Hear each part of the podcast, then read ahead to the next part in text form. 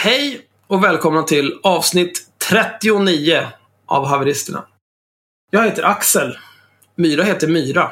Henrik heter Henrik. Mm. Idag är det söndagen den 10 februari. Klockan är 21.58 på kvällen. Och nu händer det. Wow, vilken grej.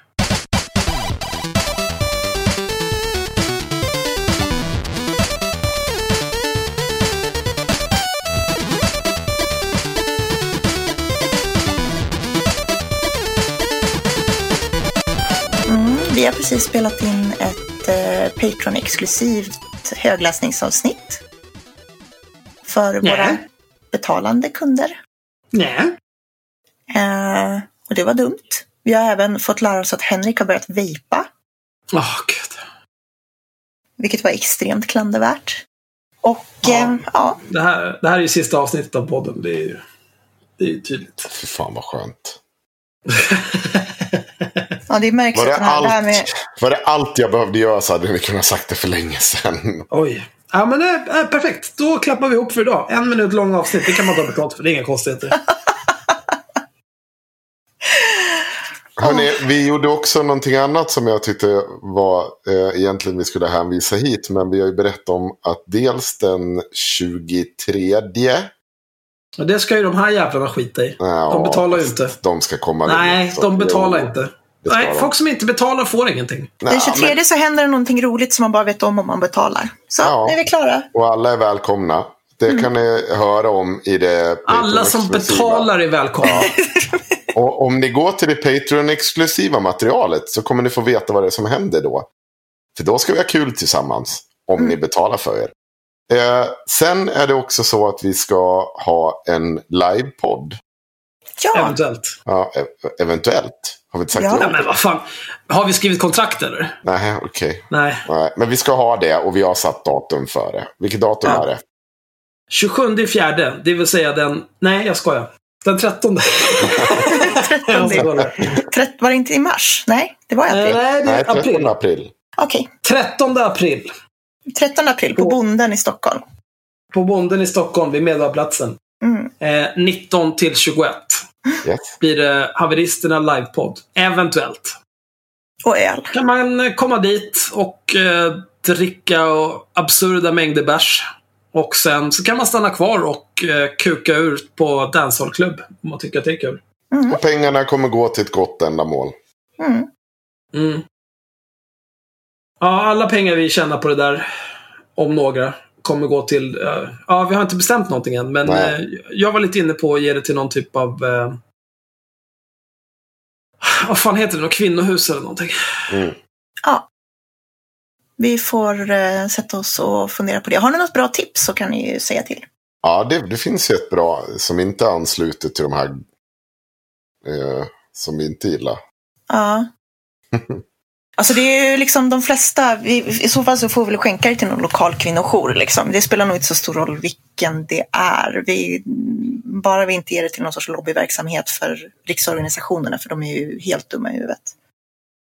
Ja, då skiter vi det. Eller så köper vi Galliano för alla pengar. Ja. Det måste jag för övrigt kolla upp, att den har Galliano, kaffe och grädde på bonden. Annars kommer jag inte. Nej, vi får smyga med oss in annars. Ja, ja det Jag har, jag har termos så att jag kan blanda, blanda lite Galliano-kaffe. Jag gjorde ju det på nyårsafton, drack Galliano-kaffe ur termos utomhus. Kan Det varmt låter, rekommendera. eh, det låter jävligt gott faktiskt. Ja, supergott. Åh, För övrigt så är jag extremt, jag kan lika gärna förvarna för det också, att jag är extremt seg och bakfull idag. För att jag skulle gå ut och käka mat på min lokalpub igår och så visade det sig att det var någon sorts eh, så här, mottagning efter ett grekiskt bröllop på den här lokalpuben. Och så slutade det med att vi drack obscena mängder gratis shots-oso och dansade jättemycket. Och jag är ett vrak idag. Ska jag berätta en obehaglig sak som har hänt när man är i Grekland nu? Nu, nu, nu har jag varit utomlands här för ett år sedan och då kan jag en hel del om den grekiska kulturen. Har du menat att du har flugit? Uh, ja, Eh, i alla fall. Eh, Det kommer vi också komma in på. Men det där, som jag minns det första gången jag var i Grekland var att man jämt fick en oso-shot. Och att det liksom är Greklands, eh, eh, ja, men go-to-shot. Men nu har det liksom blivit raki av det hela. Och raki smakar skit i jämförelse med oso. Så de bjuder bara på raki hela jävla tiden. Eh, Jag ska aldrig mer dricka Oso. Det är det värsta Ja, som har hänt mig. Det är lite som att de har köpt in hemkört. och ersatt det. det. är Fast dålig hemkört. Så, ja, skit i samma. Nej, parentes. Snåla jävlar. Oj. Jävla uland. Vi Oj. drack, vi drack fin Oso igår. Sådär. Tydligen så kostar flaskorna så här 600 spänn styck i, i Sverige. De kostar 100 spänn styck i Grekland. Gigantiska jävla flaskor. Alltså Oso på Systembolag är ganska dyrt. Jag, jag hade en period här i, för något år sedan där jag faktiskt böt ut whisky mot Oso. Det var efter jag hade varit i Grekland och lärt mig en hel del om den grekiska kulturen. Så var det mycket Oso när jag kom hem. Kulturell appropriering helt enkelt. kan du ge det fan på. Men hörni ni, på tal om att flyga. Ska vi hoppa rakt in på ämnet? Ja, det har ju varit lite, lite, lite brus kan man säga. Efter Mm. att det här kontot Aningslösa Influencers startade på Instagram och fick enormt mycket uppmärksamhet. Eh, det de gjorde egentligen, det var ganska snällt. De la ju egentligen bara upp.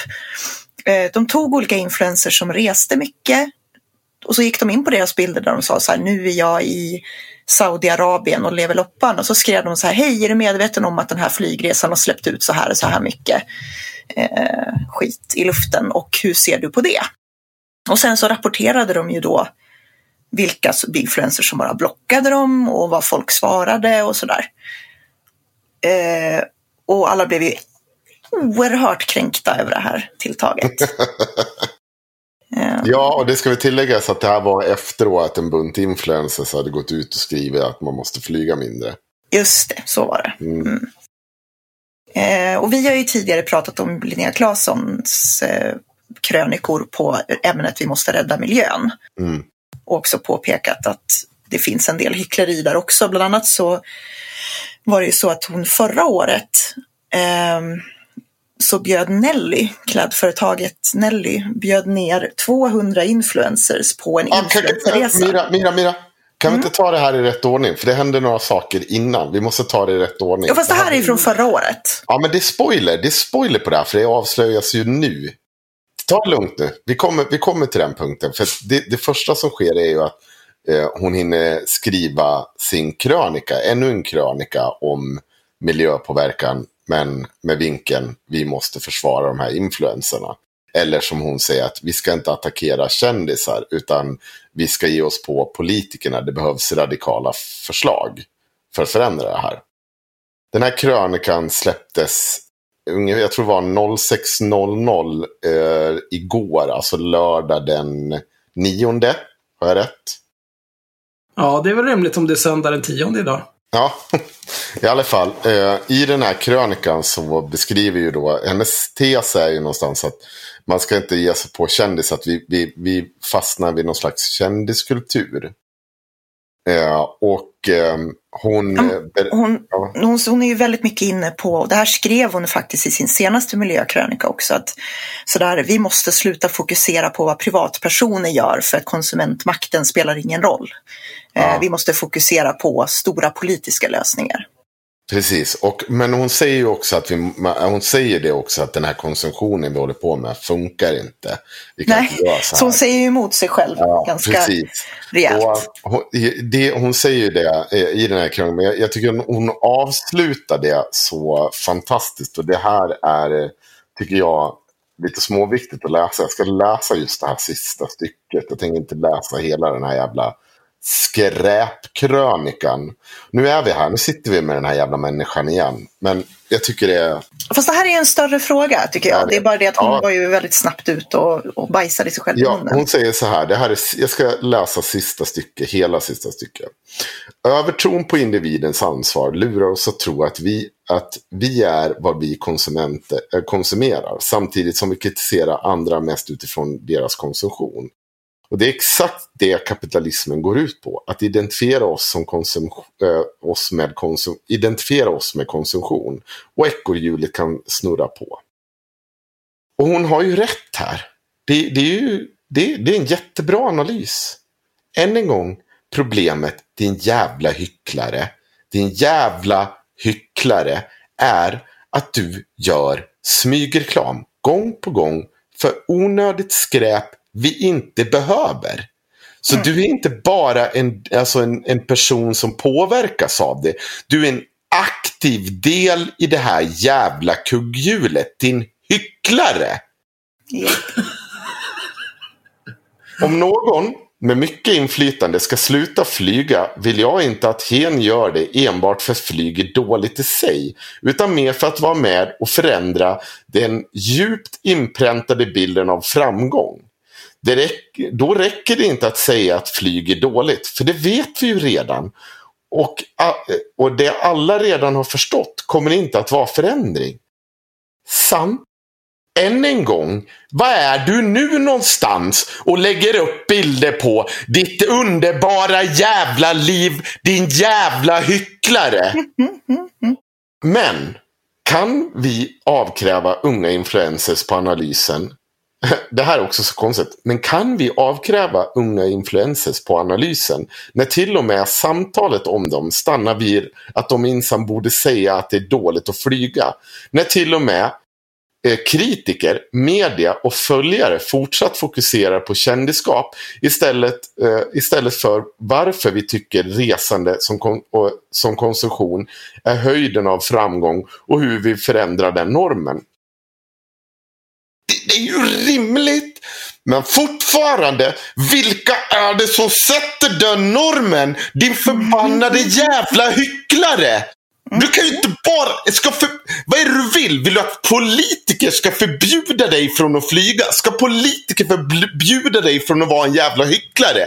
Vi är överens här, för jag håller faktiskt med dig. De borde jag förbjuda dig från att vara... Oj. Oj. Jag kan inte dricka vatten nu tydligen.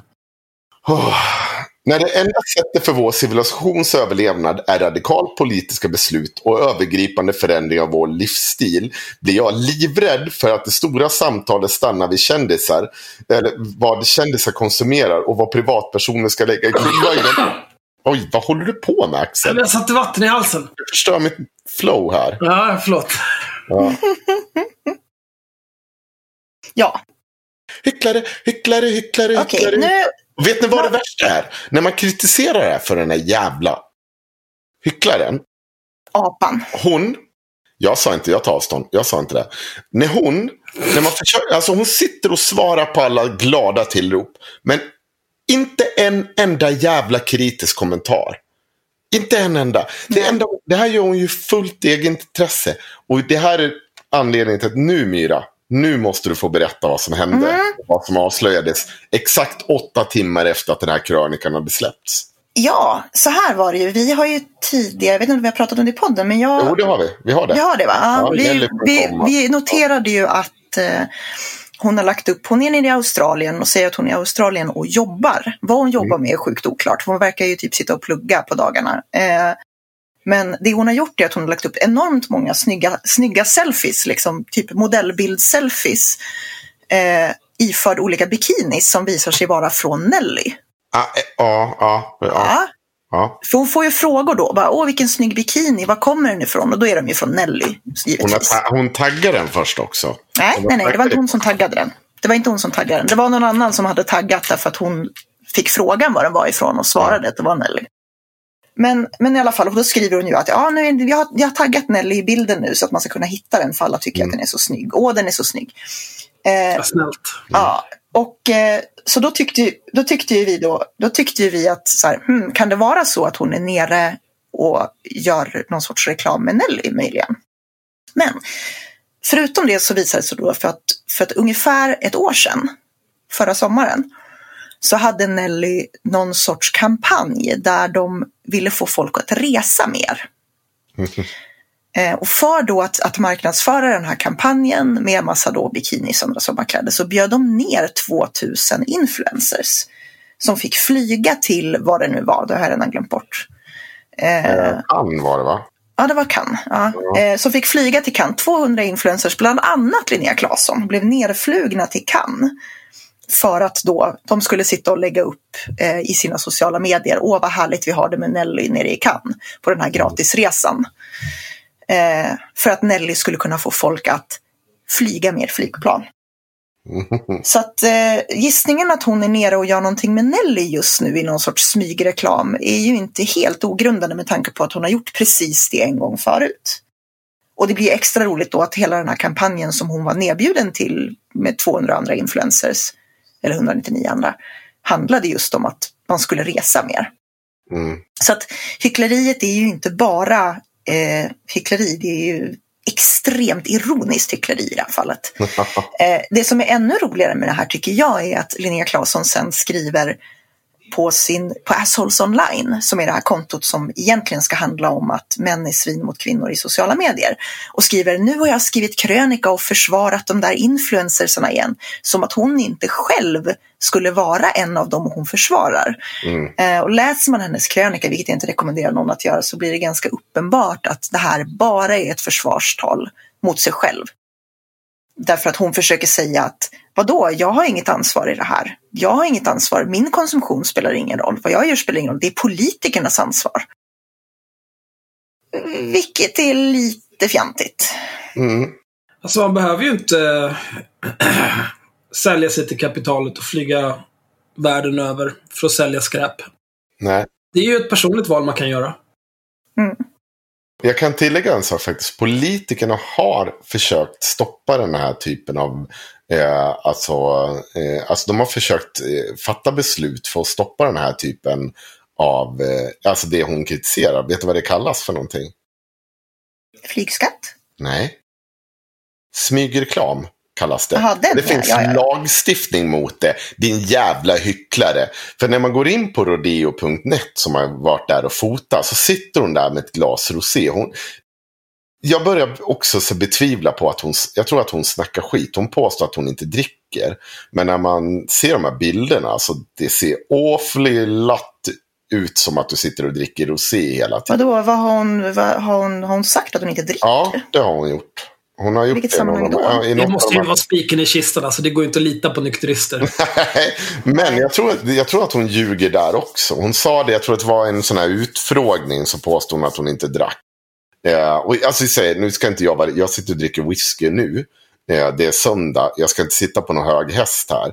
Men jag påstår i alla fall inte att jag inte dricker. Och sen hamnar väldigt mycket på bilder i de här sammanhangen med vad till synes är alkohol i handeln. Skit i samma. Hon vill väl vara en wholesome förebild och inte visa upp det i alla lägen. Eh, skit i det, säger jag fortfarande en gång. Sitt- Framförallt så brukade hon ju vara, eh, eh, hon brukade ju vara elitidrottare. Och de brukar väl inte Ja. dricka så mycket. Nej, jag betvivlar inte att hon inte dricker. Jag behöver inte låsa mig vid det. Men hon sitter i den här jävla eh, bikinin som hon sen gör reklam för nu. Och eh, Mm. det, jag blir jävligt jalur på om... Alltså, ah, ah det, det äcklar mig att, att vi fortfarande... Att, och sen när man skriver om det, att jag fortfarande... Jag önskar verkligen några av dem som dyker upp i mitt kommentarsfält. De är säkert bra personer i övrigt. Men att de inte... Att de är så jävla totalt retarderade. Att de sitter och försvarar den här typen av beteende. Här har du en människa som bereds plats på en av Sveriges största liksom, mediala plattformar. Där hon får sitta och försvara ett beteende som hon inte varit ärlig med att hon sysslar med. Och sen Mm. avslöjas det liksom att alltså, hon ljuger ju för er.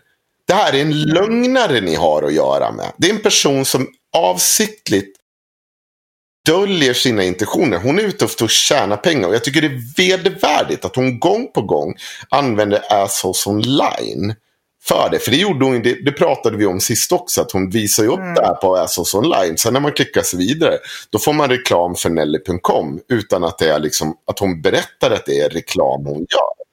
Det är som att du skulle använda IRM för att marknadsföra att du har gjort kalsongreklam på Instagram. Mm. Det, är, det är så djupt klandervärt. Det är så Mm. äckligt beteende. Och att vi borde, att vi inte har media som står utanför så här stora opinionsbildningar. Alltså de, för att de här människorna har i mångt och mycket, i alla fall så, i, i liksom påverkan på människor mer makt än vad våra lagstiftande politiker har. Vi brukar prata om yttrandefrihet i den termen att det är lagstiftat, ja vi har en lagstiftad yttrandefrihet. Och ja, det finns en yttrandefrihet som kan bli påverkad av om vi har en bunt människor som säger åt att du inte får säga vissa saker. Och i det här fallet så skulle jag säga då, då ja för det första har ju min yttrandefrihet varit kränkt för att jag inte hade kunnat lyfta mina misstankar om att hon är en jävla hycklande lögnare.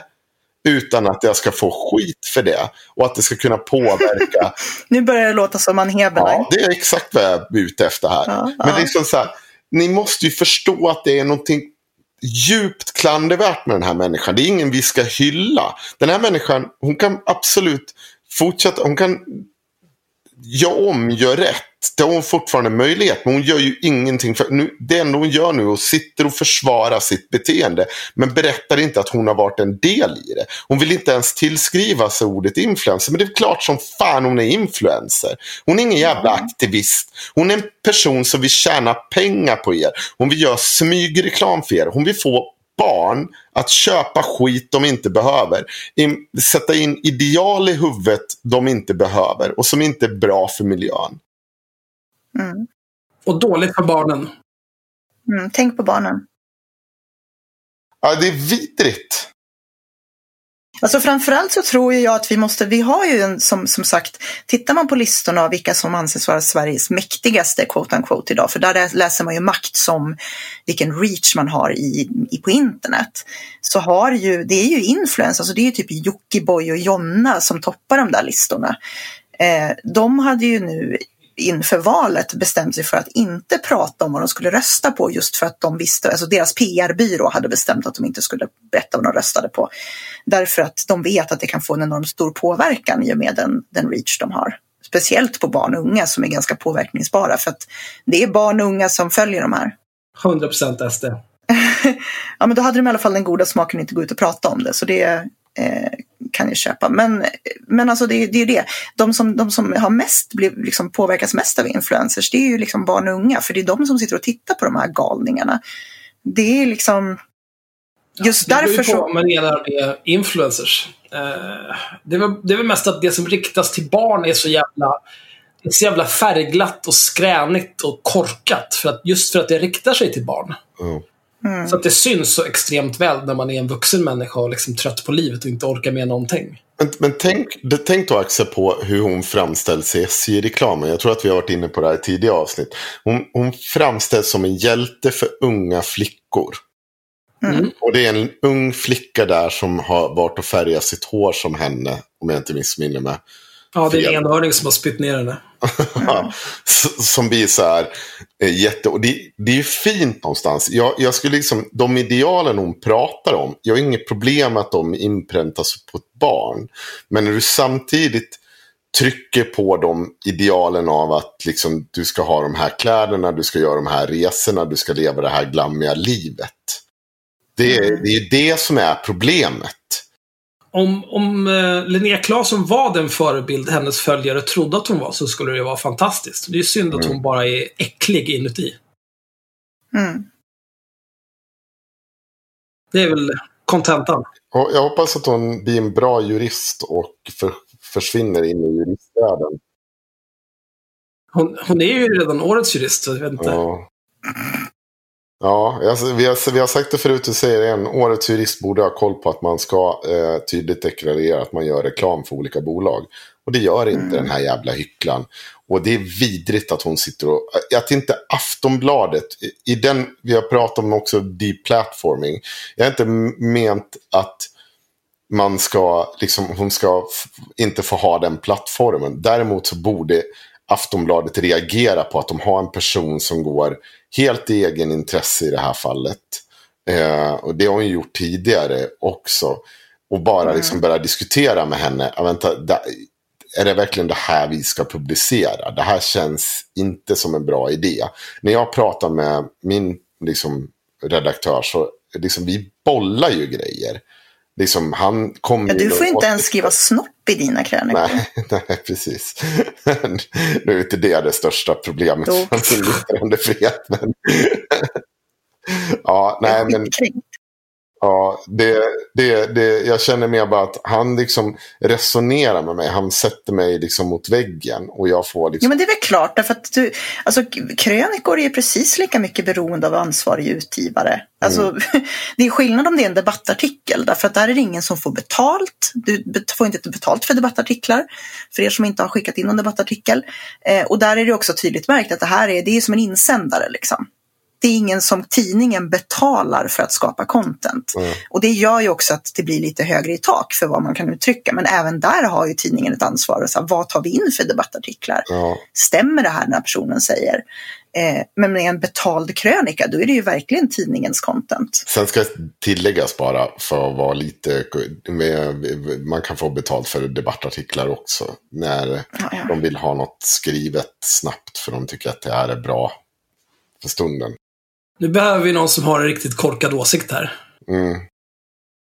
Det, så kan det vara, men de, de brukar de oftast klara av att få in ändå. Men jag vet att man, jag har fått erbjudande och fått betalning eh, vid två tillfällen för en debattartikel. Det är bara för att du är man. Jag får minsann aldrig erbjudande om att få betalt. Och jag har då fan skrivit fler debattartiklar än du. Oj. Oj. Själv har jag inte skrivit några debattartiklar. Jag har ett riktigt jobb. Ja. Men det, det, måste man ju ha om man ska skriva debattartiklar, för man får inte betalt för det. Oj, ja, det är för jävligt. Ja. Eh, men är vi klara med Linnea Charlatansson? Ja, det är vi. Men du hade någon mer influencer där som... Eh, jag tycker att man, våra lyssnare kan gå och titta på aningslösa influencers på Instagram. Ja. Det är ju väldigt många. Schulman får också någon känga där. Eh. Jag tycker det, det, det är väl bara en tidsfråga innan något sånt här dyker upp. Det blir liksom folk som Alltså när man börjar slå på de här människorna som ska vara goody two shoes och hela. Det är klart att om, om ni inte lever upp till det här, om ni sätter folk till högre standard och gör det här, då kommer det slå och bita er i röven till slut. Mm. Och det kommer jag, jag kommer, jag kommer fortsätta flyga när jag kan göra det. Jag, jag kommer, och det gör jag inte så jävla ofta ändå. Men jag, jag, jag försöker inte hålla någon vid någon annan jävla standard. Däremot så har jag börjat tänka mer på miljön av oklara anledningar. Man blir påverkad av alla jävla influencers. Du vill bara vara vuxen. Mm. Källsortera lite. Ja. Använd tygpåsar.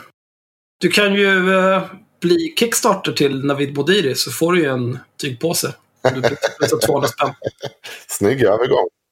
Vad är det för reward tiers den här gången? Ja, har vi inte läst igenom dem? Nej. Nej, vi gick aldrig igenom reward tiers.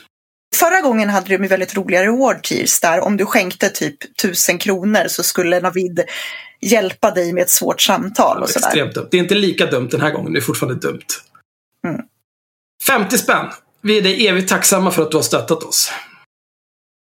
100 spänn.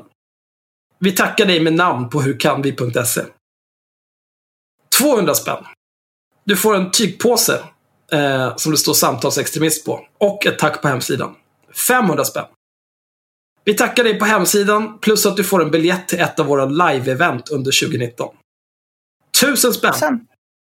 Du får tack på vår hemsida, en tygpåse med rubriken Samtalsextremist och en biljett till ett av våra live-event under 2019. 5000 spänn. Vi tackar dig med namn på hurkanvi.se och i podden. Så att tacka någon i podden, det är alltså värt ja, över 4000 spänn. För man får ingen ja, jävla jag... tygpåse, man får ingen biljett.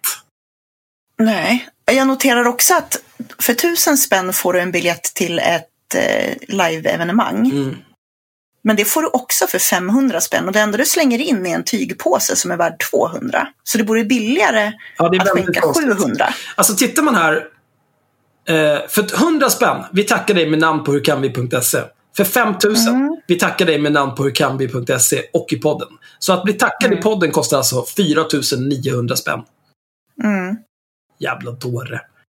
10 000.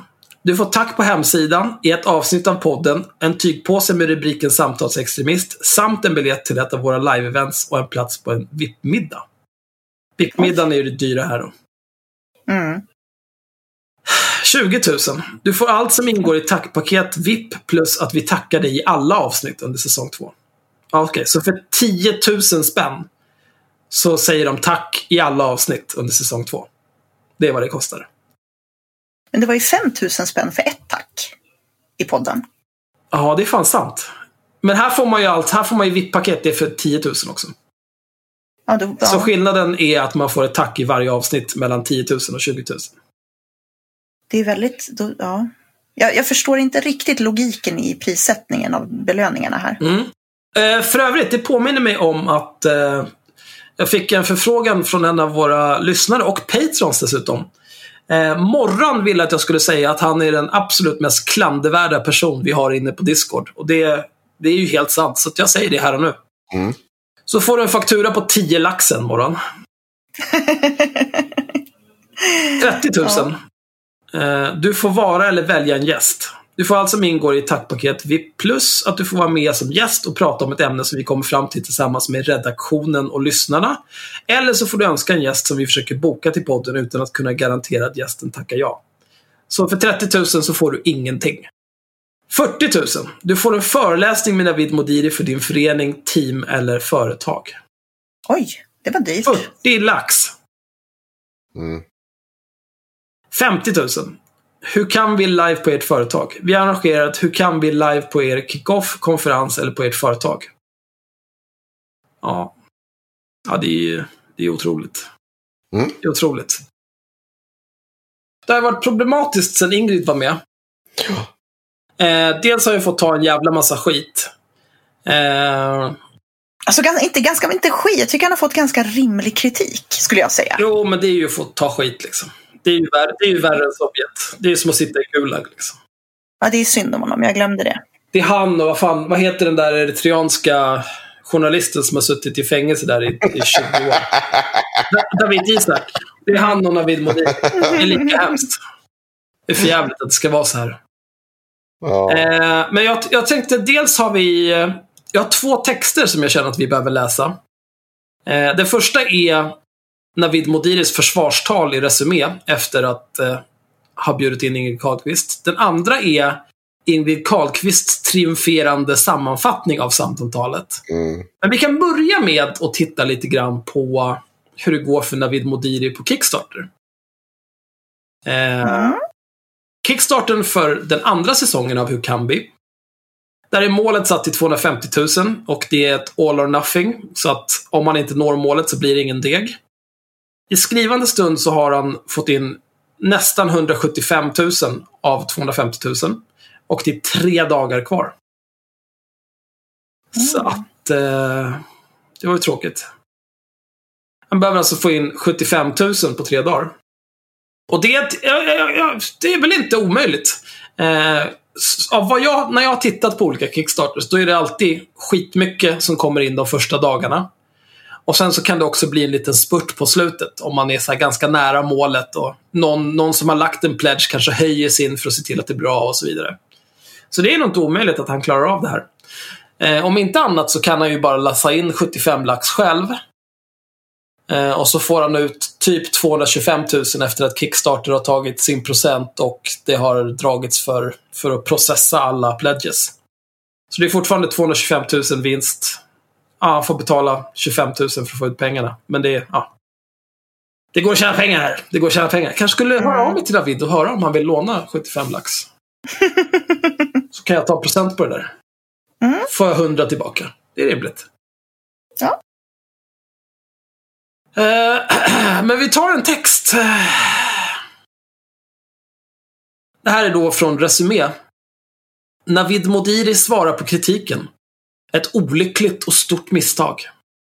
Kommunikatören och föreläsaren Navid Modiri har kritiserats hårt efter sin intervju med den profilerade högerextremisten Ingrid Carlqvist, som kom ut på Förintelsens minnesdag. Till Resumé försvarar han podden, men är också självkritisk. Navid Modiri har i många år fungerat som samtalsextremist i den offent svenska offentligheten.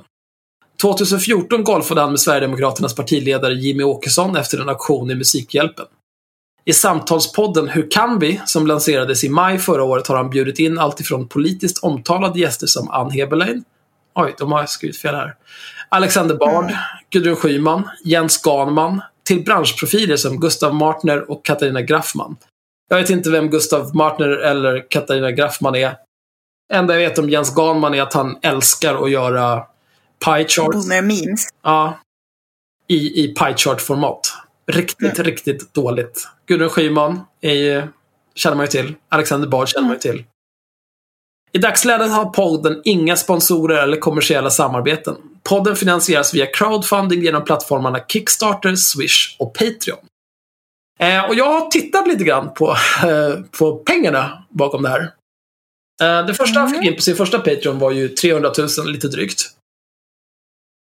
Via Patreon så har han eh, eh, fått in drygt 2000 dollar sedan han startade Patreon-kontot.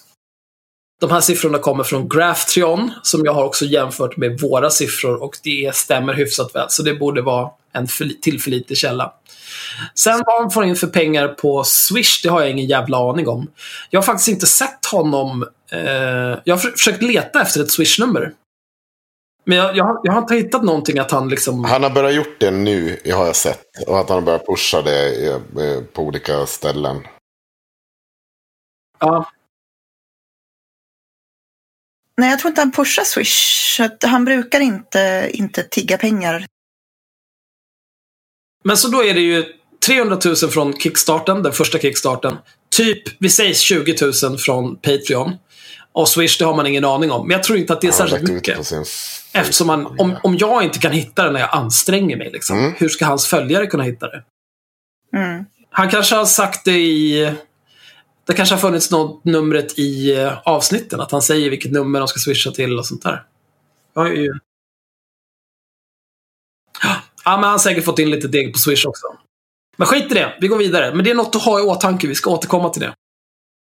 I söndagens omtalade avsnitt var den profilerade högerextrema opinionsbildaren Ingrid Carlqvist i ett samtal som pågick i en timme och 47 minuter.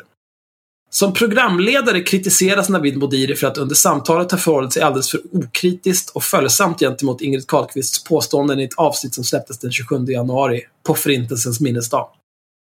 Gästen har konsekvent hävdat att hon inte är förintelseförnekare, men har tidigare skrivit att man måste diskutera detaljerna och har uppmanat andra att gå igenom bevisen.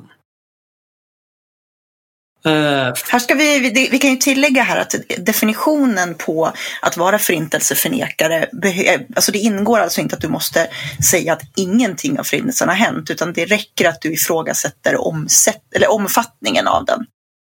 Det kan jag tycka är lite det beror på vilken, alltså säger du, säger du att alltså, det kanske inte var fem miljoner, det kanske var tre miljoner så kanske det inte spelar så stor roll. Däremot om du säger egentligen så var det bara hundra judar som dog. Mm. Det här är, det är en judisk konspiration för att det ska tycka synd om dem. Då är du förintelseförnekare. Flera skribenter har gått hårt åt Navid Modiri och kallat honom ansvarslös, trivialiserande och cynisk eftersom valet av kontroversiella gäster bidrar till intresse och investerare. I Arbetet skriver författaren och journalisten Kolbjörn Guvallius att David Vodiri borde återinvestera pengarna han dragit in via Kickstarter i journalistik och research. Ja, ja. det har ju vi sagt också. Det här, det här har vi sagt i ett års tid nu. Känns mm. Eh, det är för övrigt en väldigt bra text av Kolbjörn. Eh, väldigt bra är den. Jag länkar den sen. Det finns svar som är rätt och svar som är fel. När någon hävdar en felaktig uppgift måste den rättas, inte ursäktas med hobbyteorier om känsliga sörjande, skriver han. Expressens biträdande kulturchef Jens Liljestrand nämner några episoder där Ingrid Carlqvist går hårt fram mot muslimer, invandring och en komplott kring mångkultur och möts av en återhållsam programledare. Han skriver För vad är alternativet? Tja, kanske att avbryta samtalet och säga tack och hej. Eller säga något i stil med Nej, men vad fan hörru det här med att det skulle vara en jättegrej med folk som ljuger om att de suttit i Auschwitz. Jag köper inte det. Det är nazistpropaganda som jag inte vill att du spyr ur dig i min podcast. Rimligt. Istället försöker Navid Modiri hitta fram till människan där bakom och det värsta är att jag känner igen mig i situationen. Jag har själv suttit där många gånger. I DN går sociala medier-experten Britt Stakston hårt åt programledaren. Navid Modin trivialiserar genom sin passivitet förintelsen och låter extrema åsikter framstå som helt legitima. Galenskap bemöts med följsamma hummanden och avslutas i en förtjusning över att ha modet att möta någon som törs närma sig ämnen som är tabu. Mm. Navid Modiri går med på att svara på Resumés frågor via mail. Det är klart du vill ha det via mail, din jävla råtta! Vad hände med samtalet? Vad hände med samtalet, Navid? Vill du inte samtala med Resumés reporter? Han skulle ju till och med hjälpa, coacha folk i hur man tar svåra samtal. Mm, via mail, tydligen. Mm. Mm. Ja, då kommer vi till de här frågorna. Det är här allting, det, det vedervärdiga börjar. Det klandervärda. Ja, äh, det här är så jävla dumt. Vad var målet med intervjun? Målet med samtalet med Ingrid är detsamma som målet med hela podden.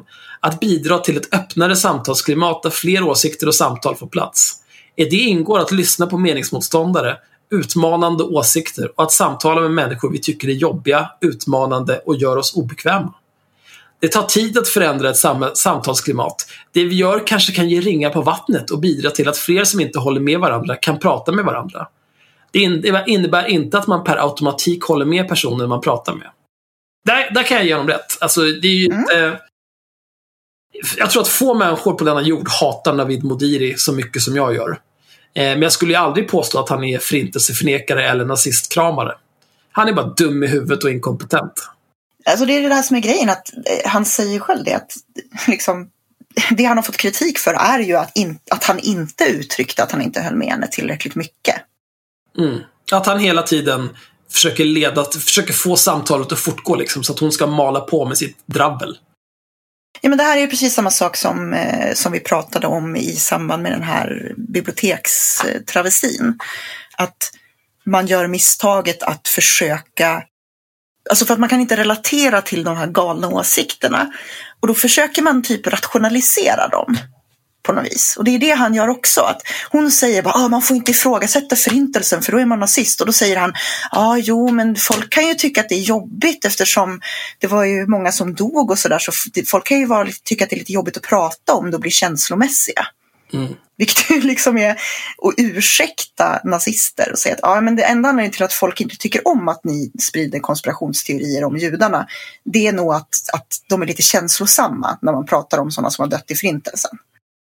Vilket ja, det är, är vedervärdigt. det är lite dumt sagt. Ja, Vi kör. Ingrid Carlqvist kom med en rad antisemitiska, islamofobiska och konspirationsteoretiska utspel. Varför var just detta samtal inom ramen för vad du, som du anser är acceptabelt? Jag anser att alla samtal är acceptabla. Absolut, jag, jag håller med Navid. Det betyder inte att alla samtal är bekväma eller oproblematiska att lyssna på. Vi ska som samhälle kunna prata om allt och med alla. Absolut, jag håller med Navid. Det är viktigt att vi förstår att yttrandefriheten och demokratin inte är något som vi bara har och sedan behåller. Det är något vi kämpar för och förtjänar genom skav, friktion och konflikter. Absolut Navid, jag håller med dig. Men din jävla fitta, bidra med lite skav, friktion och konflikter ditt jävla äckel. Sitt inte bara och håll med den där jävla nassekärringen, din jävla amöba. Åh, typ så. nu kommer hjärnblödningen här. För när jag läste den här första gången, då var jag tvungen att lägga mig ner och vila i fem minuter efteråt. Jag var så jävla, jävla arg. Ja, jo, men alltså det är ju, du har ju väl en poäng. Han, det är ingenting Navid säger är fel. Det är bara det att han agerar inte Han är som precis som Linnea. Claesson. Han säger en massa bra saker, men han lever inte upp Mm. till det. Han är bara ett jävla äckel som försöker profitera på det här. Och han lyckas Mm. inte ens, vilket vi ska komma till alldeles strax. Är förintelsens omfattning någonting man kan ha en åsikt kring? Vi lyfter upp olika ämnen och personer vi tror det är viktigt att prata med och prata om. Det betyder inte att vi håller med dem eller sympatiserar med deras åsikter. Bra snömos, Navid. Bra snömos. Svara ja eller nej. I intervjun säger du att det råder ganska stor konsensus kring Förintelsens omfattning. Varför ens uppmana för spekulationer om Förintelsen? Vi har inte uppmanat någon till... Det här också. Vi har inte uppmanat någon till spekulationer kring Förintelsen. Han är så äcklig! Vilka vi? Han och hans... De här tre, tre, fyra personerna som tydligen jobbar heltid med att hjälpa honom att göra den här jävla podden. Ska han dra in dem i den här skiten när det är han som får ta ansvaret? Det är ju han som har suttit mitt emot den här jävla idioten. Mm. Ja, Samtal... kan, vi, å- ja. kan, kan vi återkomma till just det där, hur många de är? ja, ja, det kommer. Lugna ner dig. Det är inga problem. Mm, fortsätt. Ja, du, du har ingen kom- Du kör en snabb kommentar om du har det. Nej, jag har inte det. För att jag, det, jag blir arg och det kom, vi återkommer till det. Ja. Jo, men det är som, alltså, som jag sa, det blir ju faktiskt en skillnad på att man har en diskussion om huruvida det var 3 miljoner eller 6 miljoner. Eller om man säger ja, det var mycket färre än vad man sa och det här, anledningen till att man har sagt att det är så många fler är en judisk konspiration. Oh. Det är rätt olika sätt att ifrågasätta mängden, eh, mängden döda på. Det ena tror jag man kommer undan med, det andra not so much. Nej, det funkar liksom inte. Nej. Eh, vi har inte uppmanat någon till spekulationer kring Förintelsen. Samtalet handlar om hur vi bemöter människor som inte tycker eller tänker som oss. Fokus är inte spekulationer kring Förintelsen, utan fokuset är på samtalet. Om det är otydligt och behöver tydliggöras så sympatiserar jag inte det minsta med människor som förnekar Förintelsen. Både jag och mitt team på hur kan vi luta sig mot den konsensus som råder kring händelserna och känner starkt för alla som drabbats både direkt och indirekt. Kan vi diskutera att det här bara är mailsvar? Det, det ska också tillägga, ni förstår att han har vägrat ta det här över telefon utan han har fått frågorna på mail. Så allt är ju väldigt väl utformat för att han har vägrat ta det med kritiska frågor där någon Det skulle ju kunnat- vara intressant att veta hur lång tid det tog från att han fick mejlet tills att han svarade. Hur många timmar det tog och, och se till så att varje formulering var perf. Mm. Fanns det någon tanke med att publicera avsnittet just på Förintelsens minnesdag? Det var ett olyckligt och stort misstag från vår lilla underbemannade och hårt arbetande redaktion. Alltså det där är sån bullshit. Vi jobbar med tajta avsnittsleveranser och en tajt budget och gjorde ett misstag som vi insåg för sent. Eh, ja, Det här är så jävla tramsigt. Han ska alltså ha ett team för att spela in en samtalspodd som är två personer som pratar en och en halv timme. Mm. Vi sitter för fan och spelar in typ två timmars podd varannan vecka åtminstone i genomsnitt. Utan att det kostar oss en krona i princip. Och vi gör mer research än vad Navid Modiri någonsin har gjort. Men vi ska titta. Det här är ett strålande tillfälle att titta på vilka som ingår i den här lilla redaktionen. Antingen så är han en opportunistisk och klandervärd person som valde att släppa ett avsnitt med en förintelseförnekare på Förintelsens minnesdag. Eller så är de helt odugliga på att göra någon som helst grundläggande research. Jag tänker om, om man googlar Förintelsen, då tror jag nog att det första resultatet är nog Wikipedia-artikeln. Jag är rätt säker på att Förintelsens minnesdag, det datumet, står i den Ska vi Wikipedia-artikeln. göra live research? Ja, vi gör det direkt. Eh, förintelsen. Första resultatet, Wikipedia. För det här borde han ju rimligtvis ha gjort om han ska bemöta en eh, förintelseförnekare. Eh, sjunde stycket heter Minnet. Inom judendomen har teologer försökt bearbeta Förintelsens minne och för att kunna förhålla sig till det. En del har sökt sig mot den religionens ursprung, andra från gudstro överhuvudtaget. På många platser i världen finns minnesmärken och dylikt över Förintelsen. För att minnas den och informera yngre generationer och motverka hatbrott. Till exempel flera av koncentrationslägren, Anne Franks hus, Jerusalem, Berlin, Imperial War Museum i London och US Holocaust Memorial Museum i Washington DC. Internationell minnesdag för offren är deklarerad av FN 27 januari. Men judiska grupper kan uppmärksamma andra datum. Första resultatet när man googlar Förintelsen. Första resultatet. Sopa! Hur ser du på kritiken mot att du inte var tillräckligt kritisk och därmed bidrar till att normalisera Förintelsen? Det är en konstigt ställd fråga. Normalisera Förintelsen. Vad finns det att normalisera? Mm. Det är vissa personer som anser att jag inte var tillräckligt kritisk. Relativisera. Ja. Relativisera. Ja, det hade varit mycket rimligare. Det är vissa personer som anser att jag inte var tillräckligt kritisk och andra som menar att de tyckte att jag ifrågasatte Ingrid och samtidigt lyssnade för att skapa ett respektfullt samtal. Vem har sagt det? Vem har sagt det? Ingen. Jävla lögnare. Det rå- ah, ja, det är klart han ska driva hem den poängen. Det råder alltså delade meningar om den frågan. Mm. Det är, alltså, nu är det så här. Här är en lögn om hur det ligger till. Så nu ser du att det är som jag menar. Absolut. Kukansikte. Jag kanske inte kritiserade på ett sätt som alla godkänner eller tillräckligt hårt. Och det är hela tiden en avvägning jag gör i stunden för att kunna balansera mellan mjukhet och hårdhet i samtalet. Att driva Hur kan vi som podd är en tuff läroresa och vi ägnar oss åt självkritik och reflektion regelbundet för att hela tiden bli bättre. Gör du verkligen det Navid? Gör du verkligen det? Är det verkligen vad du gör? Sitter du och bedriver självkritik när du säger att ja, det finns ju folk som tycker att det var kritiskt. Och sen finns det folk som tyckte att det var bra. Så det råder delade meningar i den frågan. Sen finns det också en annan stor grej med det här. Om du inte anser att det här var ett större problem med hur du ifrågasatte henne.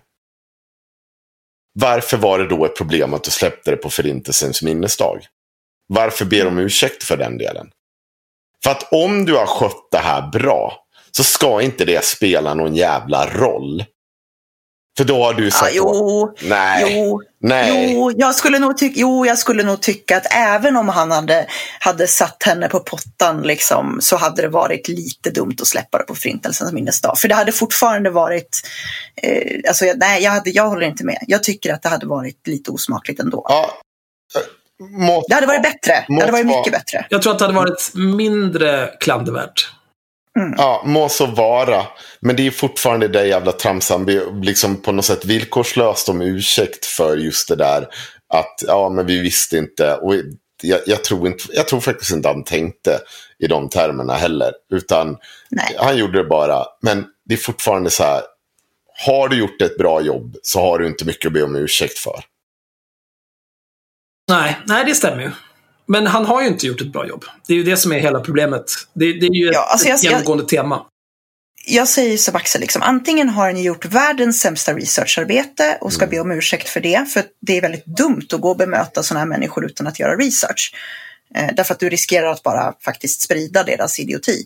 Eller så har han ju varit cynisk och tyckt att det här kommer att väcka kontrovers att jag släpper det på fel. Eller till och med tänkt att det är passande att släppa det på Förintelsens Ja, minnesdag. det, är inte, det är inte bara det han gör. Alltså det du sa tidigare om att han går in och pratar om att det är känns ett känsligt ämne.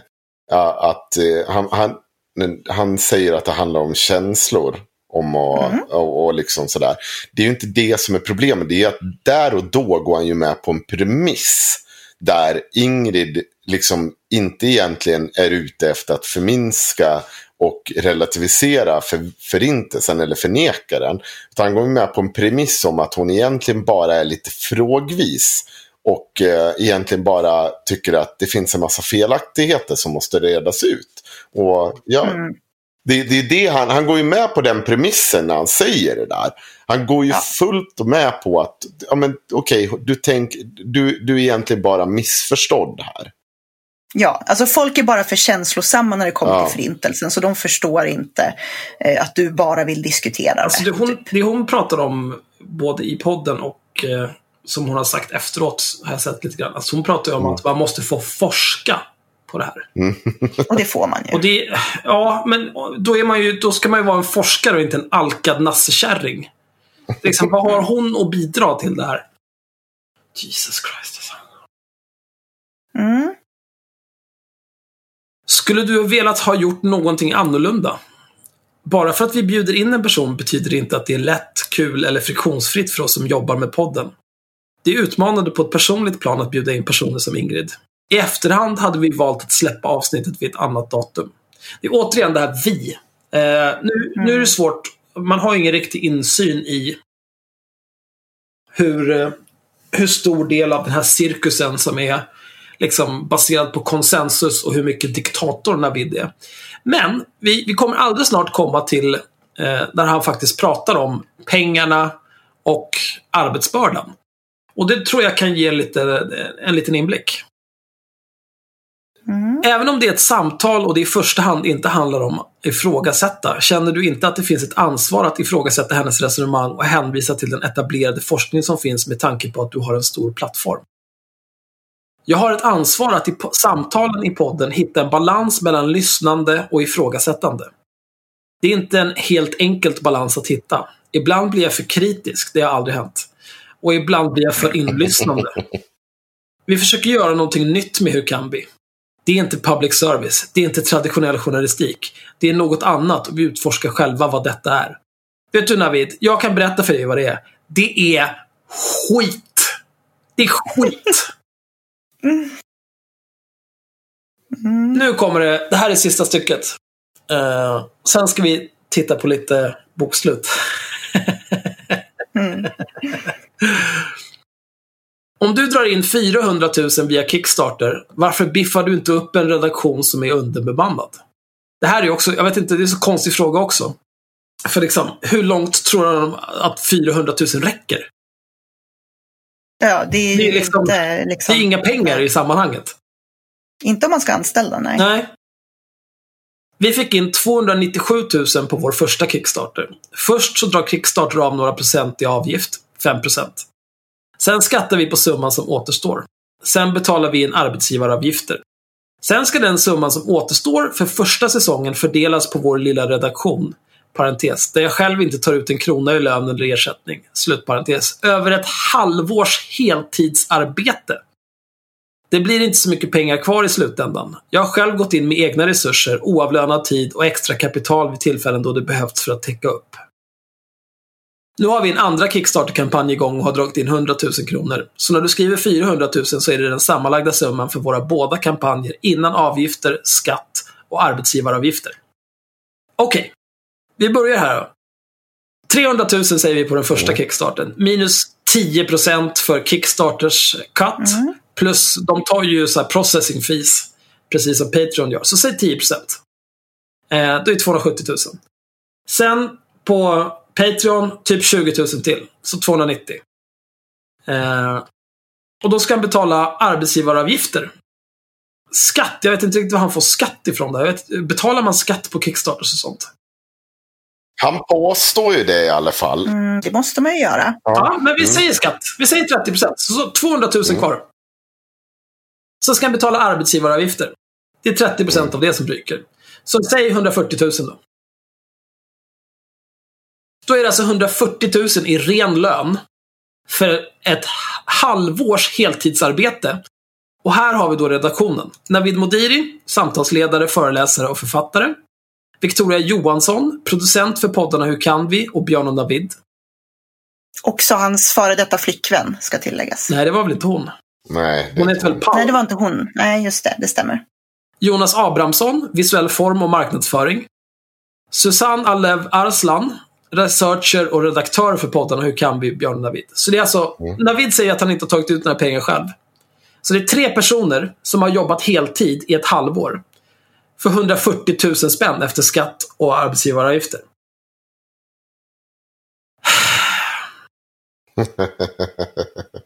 Bra research Axel. Ja, men vi, vi kan räkna upp det. Säg 150 000. Ja. Så det är 50 000 var för ett halvårs arbete. Runt 8 000 i månaden. Nej, mer. Ja, 9. 9 8 och halvt. 8 500 för att jobba heltid i månaden. I ett halvår. Men, ja, fast jag men vet du vad? Jag tror att du tänker lite. Jag tror att han menar. Det kan ju vara så att han menar en heltidstjänst. Han, säger, han specificerar ju inte att varje person har jobbat heltid. Han skriver så här. Sen ska den summan som återstår för första säsongen fördelas på vår lilla redaktion. Där jag själv inte tar ut en krona i lön eller ersättning. Ja. Över ett halvårs heltidsarbete. Ja, precis. Det är ett, ett halvårs heltidsarbete. Det är inte, alltså inte flera. Ska, ja, du menar alltså att du ska räkna det som en person? Ja, det är faktiskt. Man brukar prata i termer av hur många, alltså hur många heltider det är. Jag skulle inte finna det där konstigt. Men, men vet du vad Axel, det håller inte ändå. Alltså, det, bara för att det inte blir super, super, super duper dumt så är det fortfarande lika jävla dumt ändå. För jag tror inte ett skit på det. Han, han fipplar med siffrorna. Han, Nej, jag, jag, jag tror att det snarare är så här. På, vet, vet du vad, jag har ju sett hur produktionen ser ut. Alltså det är mm. inte, du får ju tänka dig själv först. Du själv poängterat det här. Du har en researcher här. I, som inte gör i, någonting. Som inte uppenbarligen inte gör ett jävla skit. För när han talar med Inger Karlqvist, vad jag vet så är det typ han vet att hon har en journalistbakgrund. Och att hon har kallats förintelseförnekare. Han hänvisar till en sak. Antingen så lyssnar ju inte han på sin researcher. Så har researchern gjort ett riktigt dåligt jobb. Så vi kan räkna bort ganska mycket tid där. Det de, de ska ju också ha köpt in utrustning för det här. Det kan de ha gjort. Det kan ha kostat en del. Men det betyder ju bara att det blir ännu mindre kvar i lön. Och att det inte... Alltså ja. hela det här resonemanget är ju bara svammel. Jag tror inte uh, att det du finns var med, var spelade ja. ni någonstans? I Stockholm på betalade ett hotell. De, betalade de din resa? Eh, ja, det gjorde ja. de. Betalade min eh, tågresa. Det gjorde ja. de. Och så, och så tågresorna ska bort. Jag tror inte att produktionen kostar sig. Jag tror inte att de skattar så här. Jag tror att han svamlar. Jag tror att han är jävligt ute på Alltså riktigt hal is. För att bara när han säger de här sakerna. Det blir så jävla orimligt. För det finns inte till... Alltså även om att det är mindre pengar kvar för en heltidstjänst, eller halvtids, eller en, om vi säger en heltid på ett halvår alltså. en halvtidstjänst på ett helår. Det är, det är inte de här, alltså det är inga pengar kvar. Det är ingenting. Och det, det är så jävla konstigt. Varför skulle du behöva de här ofantliga summorna? Då hade du ju hellre gjort det någonstans pro bono. Mm. Alltså, jag får inte ihop någonting av hur han resonerar. Nej, precis. jag menar, antingen så ska du ju göra en, en stor jävla produktion, alltså där du har en redaktion, mm. du har research, du har allt det där. Det kan vi ju konstatera att de inte kan ha gjort med tanke på verkshöjden. Liksom. Det kostar inte mycket att göra en podd som sagt där du egentligen bara sätter dig i ett rum med en människa och så har du liksom ett litet visitkort. Bara, Hej, du är förintelseförnekad och före detta journalist. Nu ska du prata och så ska jag bara säga jaha och få dig att fortsätta prata. Mm. Det är bara ett samtal mellan två människor som inte känner varandra och det är fine. Men ja. det, det, tar ju inte särskilt mycket förarbete. Han släpper ju också i princip oklippt. Mm. Det är också, de, de, klipper ju mellan kamerorna och så. Men så vitt jag ser så är det ju inte jätte... Alltså, det kanske är att de har finat till någonting. Men det är, vår klippare har ju mer att göra än vad de här människorna har att göra. Ja. Och det här med producent. Ja visst, hon kan vara producent. Men där och då så stod hon ju mest bara och, och, och såg till att filminspelningen ja, gick. Och... Alltså, och sen så är det ju det där, det där nu har de gjort en liveshow också. Mm. Jag tror att tanken var att de skulle utveckla och göra fler sådana liveshower. Mm. Men de tog ju separat betalt för liveshowen. Mm. Så den var ju inte inräknad. Klart Nej. att det tog en massa jobb administrativt. Alltså att boka in gäster, fixa alla deras resor, eh, boka stället, alla sådana grejer. Det tar, det tar jobb. Det ska jag inte säga någonting om. Nej. Men det var ju inte heller med i budgeten för det de samlade in pengar. Ja, gissningsvis så har man ju där också räknat på att det här ska gå ihop sen när man är där. Det, det förutsätter ju att de hade tagit ganska bra pris för att liksom för den här kvällen och den ska enligt uppgift vara fullsatt. Så att jag antar att de har räknat att det går ihop. Så att alltså jag köper bara, det, siffrorna don't add up. Nej men jag menar att det är, det är konstigt ja. för att antingen så väljer man att göra en sån där bra produktion, vilket han inte verkar ha valt. Eller så väljer man ju att göra det för att det är kul, typ som vi gör. Och så samlar man in pengar så alla som vill kan skänka lite pengar. Mm. Men jag förstår inte hur man har lagt budgeten, satt budgeten på 250 000. Eh, för den räcker inte till att ha en redaktion om inte den redaktionen redan från början är vi, för, vi förförstådda med att de ska jobba ideellt. Och ja, jag vet inte. Det, alltså det går inte, det är som du säger, det går inte ihop hur man än tittar på det. Nej. Det är någonting konstigt med det där liksom. Det, det, jag köper inte alls. Han, han vill ut... Det är just det där att problemet blir när han utmålar redaktionen till att de har så stor grej att göra. Eh, jag tror inte de har det. Jag tror att i princip de här, den här Jonas och Susanne, de gör i princip ingenting. Victoria verkar ju vara med och faktiskt på plats och se till att det filmar. Så det finns ju ett arbete utfört där. Där hon står med och säkert förbereder lite och, och ser till att där de, ja, för de kan sitta. Jag hittade, ju någon, jag hittade någon post där de sökte en praktikant som skulle sköta sociala medier för Hur kan vi? Ja. De, det, som alltså... skulle praktisera med honom och den här Victoria. Ja.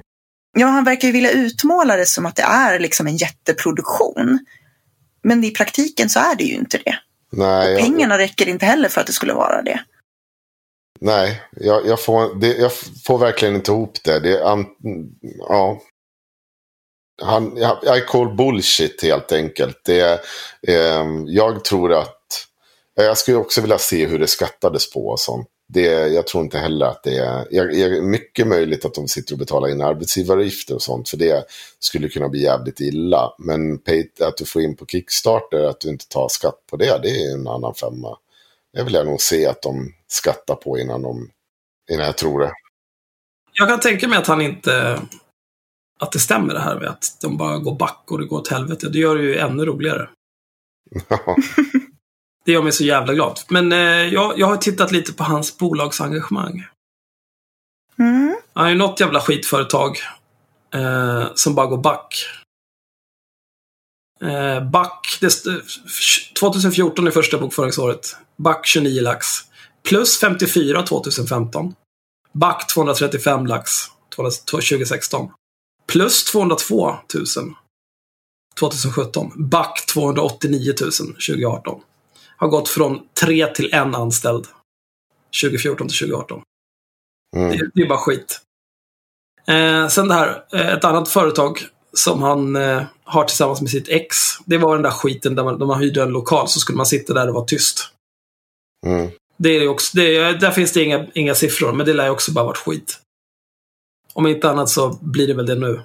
Och sen någon ekonomisk förening som man inte kan få några vettiga siffror för utan att betala för sig. Det har jag ingen lust med. Men jag, jag är också nyfiken på vad i vilket... Det skulle vara intressant att veta i vilket bolag allt den här verksamheten bedrivs. Om de nu håller på att betala arbetsgivaravgifter och har sig. Mm. Det kan ju inte vara särskilt många timmar betalt arbete, det är det jag menar. Alltså, med tanke på hur liten summan är. Nej. Nej, det beror ju på om de har tagit extremt lite i lön för det här. Men då... Men om, om det inte är liksom... Om de bara, säger att hon, producenten till exempel, hon kommer in några timmar när det ska dags att spela in och sen så kanske hon klipper det där, tar några timmar till. Borde inte hon fakturera för det bara istället? Ja. Varför ska hon få ha lön liksom? Det verkar skitjobbigt. Och betala ut lön till tre personer som jobbar lite här och lite där, hålla koll på all den där. Skicka en faktura bara, jag orkar inte se skiten. Ja, det, Nej, det, men, men kontentan är jättebra research Axel. Och det är Mm. jättekonstigt hur... Jag köper ju inte hans historia överhuvudtaget. Och nu har han ju börjat grina om att eh, eh, något företag som skulle ha sponsrat honom med 30 000 inte tänker göra det på grund av eh, media. Mm. Och det hade du väl också tänkt att komma in på antar jag. Nej, jag kan ju inte se det där eftersom han har blockat mig på Ja, Facebook. okej. Eftersom det är, det är, han är ju värre än Sovjetunionen. Försöker tysta mig. Ja, han, han har i alla fall gjort det. Och, och jag, det går ju inte heller att kontrollera. Det är inte kontrollerbara uppgifter. Det är bara någon anonym Alltså, det, han det hade gått att kolla om man hade hållit koll på hans tiers. För att han har ju en tier som Ja. är 30 000 på, eh, Patreon, eller på Kickstarter. Eh, Du får allt som ingår i tack VIP-paket, tack-paket VIP Mm. plus bla bla bla bla. Välja, vara med som gäst och bla, hi och. Så någon, Mm. om det hade varit tidigare hade varit en backer där. Då hade man Mm. kunnat, ja okej det kanske är så. Nu är det noll backers på det. mm, Men eh, det, nej, det går ju inte att verifiera. Nu har det tickat in några hundralappar till här till Navid. Han kanske tar sig hem. Mm. Ja, han skrev ju och beklagade sig nu. Mm. Cry me a river. kan jag se hur det var. Han hade ju några sådana här. Han hade en backer på 30 000 förra året. Var det någon som gick in med 30 lax åt han. Så att det kan, alltså så här, det går ju inte att säga någonting. Men jag tycker bara att när saker och ting blir lite förlägliga. Då tenderar jag på att slå bakut. Men ja. Det är hans ord. Han får stå för det. Hur som haver så är det fortfarande ingen som har stoppat det här företaget. De hade ju kunnat gjort det här. Eh, Ja. eh, för han beter ju sig som om man liksom... Eh, ja, nu har han blivit tystad igen. Men de har väl gjort Nej, en, eh, de har väl gjort en riskanalys liksom. Är det Ja. värt att betala 30 000 för att bli förknippad med Navid Modiri och hans varumärke så som det ser ut idag? Nej! Mm. Det är det inte. Ja. De har väl bara kommit fram till att det segment som han appellerar till, det är inte deras kunder. Det går inte. Nej. Och det ser man ju också här. Jag vet inte. Eh, jag, jag tänker, det var, folk var ju så jävla eld och lågor över första säsongen. Jag tycker det är konstigt att han inte har fått ihop 250 000 på sin Kickstarter. För det, det, ska, om, man, om man ser det liksom ur, ett, ur ett bredare perspektiv, tror ni att den här eh, till synes outsinliga Sverigevänliga källan av korkade pengar, börjar den sina? Är det för många som är framme vid köttgrytorna och försöker snå åt sig? Jag tror det. Jag tror att det är så det är. Alltså, eh, därför att jag menar, det här funkade ju. Det funkade ju att ta på sig offerkoftan och gråta om att man blev tystad. Men nu har ju det nått mainstream, vilket innebär att du har... Från början var det bara galningar som höll på med det, men nu har du ju liksom sådana här som faktiskt har riktiga jobb, typ Ivar Arpi, på och kör samma stick. Mm. och då tror jag att de har ju en större plattform att nå ut med. De har liksom mer eh, nu tycker jag väl inte att Ivar Arpi är världens bästa journalist direkt. Eller ja, han är ju opinionsjournalist om något. Men han har väl lite mera förtroende kanske eh, än typ Joakim Lamotte eller någon annan skulle mm. jag tro. Även bland någon sorts mainstream. Jag menar, har du redan degat in tusen spänn till Ivar Arpi så tycker du kanske att du har gjort ditt för att rädda yttrandefriheten för det här året. Det kanske räcker. Så känner du att då vill du inte skänka 30 till Navid också, även om du får en tygkasse. Ja, apropå Lamotte. Jag vill bara ta en supersnabb grej. Mm. Han skrev 6 eh, februari på Facebook och grinade över att Ystads Allehanda kallar honom för tiggare. Eh, döm av min mm. förvåning när jag ser att Ystads Allehanda i dagens tidning kallar mig för tiggare. Det är krönikören Peter Lindgren som skriver att han berättar för sin son hur vissa elaka män i kommunen vill förbjuda tiggeri och att snart bara svenska män som Joakim Lamotte kommer att få tigga pengar. Bla, bla, bla, bla, bla. Massa jävla gnäll. Förstår de inte skillnaden mellan en som tigger och en som levererar en produkt och dessutom betalar skatt på donationerna? Om du levererar en produkt så säljer väl du din produkt, din skalliga apa? Då får du väl betalt? Då är det väl inga jävla donationer? Mm. Jag hatar honom. Svin. Ja. Vad ska man säga? Ska jag, ska jag ta över samtalet och prata om någonting som jag vet att ni är helt ointresserade av? Ja, kan du inte göra det? Ja, nu ska, nu ska Henrik få prata om sossar och arbetsrättet, Nä, så då kan ja. jag zona ut lite. Oj. Kan vi inte börja med eh, lyssnarfrågorna? Jo, men det var de jag tänkte ja. på. Reformisterna trodde jag ni var intresserade Ja, men jag kan tänka mig att höra mer om reformisterna. Men eh, vi, ja. eh, Absolut. vi har fått in lite frågor från en av våra lyssnare, Bruno. Mm. Eh, han riktade dem till Henrik i egenskap av fuckpump. Så Henrik ska få svara på ett gäng frågor här om sosseri. Och den första frågan är Vad är dina synpunkter kring Hamnarbetarförbundets nuvarande strejk? Mm. Den är inte så, den är lite allomfattande eh, totalt. Jag, jag, eh, står ju för att de ska få strejka. Eh, det är inget snack om saken och jag tror att den här eh, konflikten hade kunnat varit löst för länge sedan.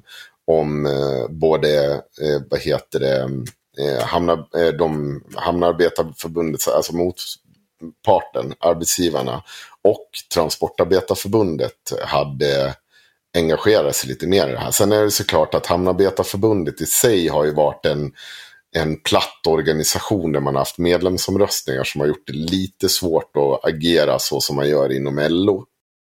Eh, och det finns en konflikt, in, in, inneboende konflikt i det också. Men jag, jag stödjer hamnarbetarnas eh, strejk. Jag med. Får vara väldigt rakt Upp till kamp. Ja. Bränn ner hamnjäveln. Det, det, det intressanta är ju på fråga två. Vill du läsa den också? Uh, ja, det kan jag väl göra. Ovannämnda mm, förbund är ett fristående fackförbund. Är det bra eller dåligt? Eller borde alla vara anslutna till LO? Det vill säga, är det bra eller dåligt med fristående fackförbund? Eller borde alla fackförbund tillhöra LO? Det beror, på, alltså det beror helt på vad det är för typ av fackförbund. Jag säger inte att alla måste vara anslutna till LO. Jag kan tycka att det är jävligt... När jag liksom kom in i fackföreningsrörelsen så sa man så här till mig när jag gick på utbildningar hos LO. Så sa man så här, om man tycker att vi gör fel och så vidare så står det en var och fritt att starta ett eget fackförbund. Oj. Det här fick jag höra några gånger under liksom min, i min karriär som eh, sosse och eh, facklig. Eh, det verkar dock inte vara någonting som man står upp för när det väl kommer till kritan. För det är precis det hamnarbetarna har gjort. Man var inte nöjd med transport. Det finns ju en uråldrig konflikt i bakgrunden här. Och den tänker jag inte ta ställning till för jag vet inte vad som hände på 60-70-talet eller vad fan det är när de går isär. Men idag har, jag tycker de har all rätt att vara utanför LO. Sen tycker jag att det är bättre om så många av de här förbunden är med och samordnar sina frågor under till exempel LO. Det, det är ju inget konstigt i det. Men de har sin rätt att stå utanför den uppgörelsen också. Sen ska man komma ihåg att LO har nekat Hamnarbetarförbundet inträde. Man har sökt inträde men man menar att deras form där man har medlemsomröstningar om allting inte är förenligt med hur Hamnarbetarförbundet jobb eller med hur LO fungerar. Och det finns det en poäng i. För att om Hamnarbetarförbundet ska vara med i LO så måste de hitta ett sätt att få ett representantskap där människor ska kunna helt enkelt eh, att det finns någon med mandat att ta beslut över om man ska teckna ett kollektivavtal. För man kan inte ha, det skulle, processen skulle bli så enormt lång så att det, det skulle inte funka. Utan då får ju Hamnarbetarförbundet hitta ett sätt att om de som, inte, som vi väljer dit tar dåliga beslut, då ska de fan väljas bort också. Och det tror jag går. Och jag tror att den balansen inte är så jävla dum. Det är kanske någonting LO borde titta åt också. Mm. Sen kan det vara dåligt också. Det kan ju komma gula fackföreningar som är där för att bara eh, se till att lönen sänks. Ja, det vill säga alltså sådana arbets, arbetsgivare eh, som egentligen är styrda av arbetsgivaren. Någon slags false flag-operation. Ja, det finns ju ute i världen. Men inte i Sverige va? Det är väl mer i Sovjet? Nej. typ, ja. Det är forna Tyskland och så vidare. Ja, men det, det närmaste vi har kommit något sånt, det var väl Sverigedemokraternas försök att skapa ett fackförbund. Ja. Tar, eh, sista ja, frågan. Det, är, det är typ tusen frågor igen här. Men vi delar ja. upp det här. Finns det någon gräns mm. man kan dra mellan arbetsrätt och samhällsnytta? Ja, absolut. Det finns det ju. Det är ju eh, LO jobbar ju med liksom att man ska ha eh, avtal ska tecknas i huvudsak med arbetsgivaren för att det ska liksom bli balans i det. Ja, och sen har det ju varit vid flera tillfällen där man inte får igenom saker i avtal som går upp på, eh, eh, på riksdag och regering att bestämma om. Och det är det som om, om alltså vi har ju en del lagstiftning, en del tecknas i avtal mellan arbetsgivarpar. Så att ja, det är klart att det gör. Men vad exakt den går i varje given fråga är svårt att säga. Vad säger du Myra? Ja, alltså jag tänkte en av grejerna som jag slås av ofta där det blir en konflikt mellan samhällsnytta och arbetsrätt är ju till exempel i frågan om eh, att få ut eh, in, invandrare eller asyl, alltså, eh, flyktingar och så vidare i jobb. Mm. Där blir ju den konflikten ganska tydlig tycker jag. Därför att det blir någonstans så här, ja om vi har, om vi inte, om vi säger då att man inte får um, till exempel sätta en, säga att du får betala mindre till någon som inte pratar språket så betyder det att då finns det inga incitament för arbetsgivare att anställa eh, människor som inte kan svenska och då mm. kommer det att missgynna en grupp orättvist och de kommer ha svårt att komma ut i arbete och då blir det liksom en ond cirkel i att de inte integreras. Mm. Eh, för de, är liksom, de, de, de blir tvingade att köra Uber istället för att de kanske kan ta ett annat jobb. Mm. De hade kanske varit villiga att ta ett väldigt pissigt betalt jobb.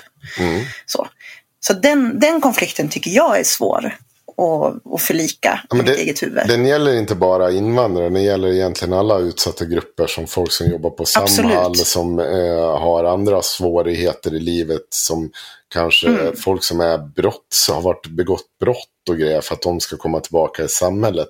Den är där och de kommer alltid finnas där i det här systemet. Och det är ju för att det blir ju, det, blir, det, det ur fackligt perspektiv resonerar det att det blir en orimlig konkurrens. Att du kan mm. anställa, för det ser ju jag till exempel med de här typen av bidragsanställningarna som finns.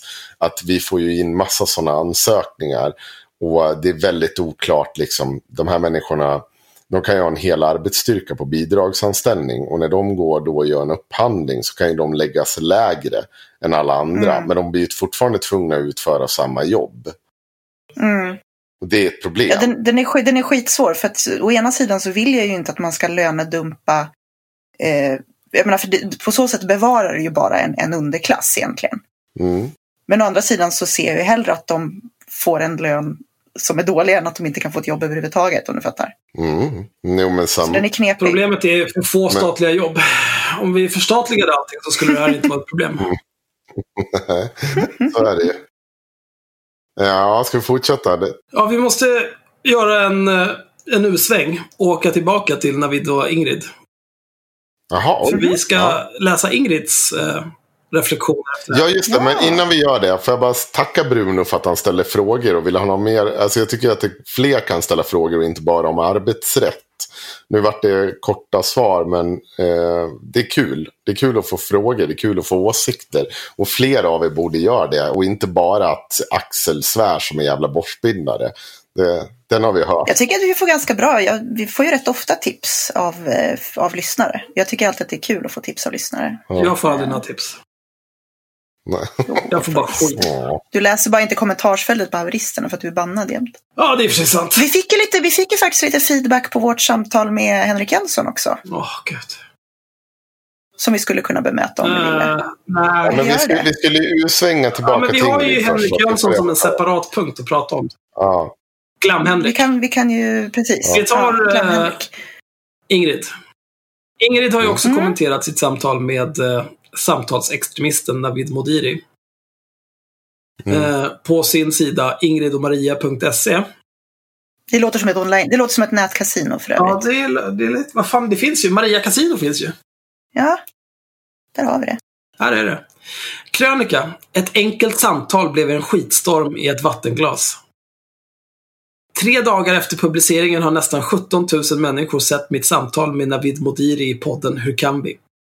Nästan alla som kommenterat YouTube-klippet är positiva och säger sig ha fått en annan bild av mig än den som brukar målas upp av mina meningsmotståndare. Absolut Ingrid! Jag läste, jag läste i det där kommentarsfältet. Det där är en lögn. Men det finns också de som är arga. Och argast av dem alla är poddaren Aron Flam och... Kan ni gissa? Du. Nej, kör. Henko Johansson från Inte Rasist Men. ah, okej. Oh. Navid Modiri är exiliranien som gjorde sig ett namn när han sommaren 2014 köpte en golfrunda med Jimmy Åkesson för att han vill samtala istället för att skrika åt meningsmotståndare. Numera driver han podden Hur kan vi, kallar sig samtalsextremist och verkar faktiskt på allvar vilja förstå hur folk utanför hans egen krets tänker och tycker. När Navid Modiri i höstas frågade mig via Twitter om jag ville vara med i hans podd tackade jag förstås genast ja. Det är klart du gjorde det, Ingrid. Det är väldigt svårt att nå utanför en grupp som redan har förstått hur illa ute Sverige är och därför är flitiga läsare och lyssnare av de alternativa medierna. Så detta var ett utmärkt tillfälle för mig att ställa saker till rätta. Mainstream-medierna har ju i åratal skrämt upp svenska folket för mig genom att kalla mig rasist, fascist, nazist, förintelseförnekare och alla andra fula ord i boken.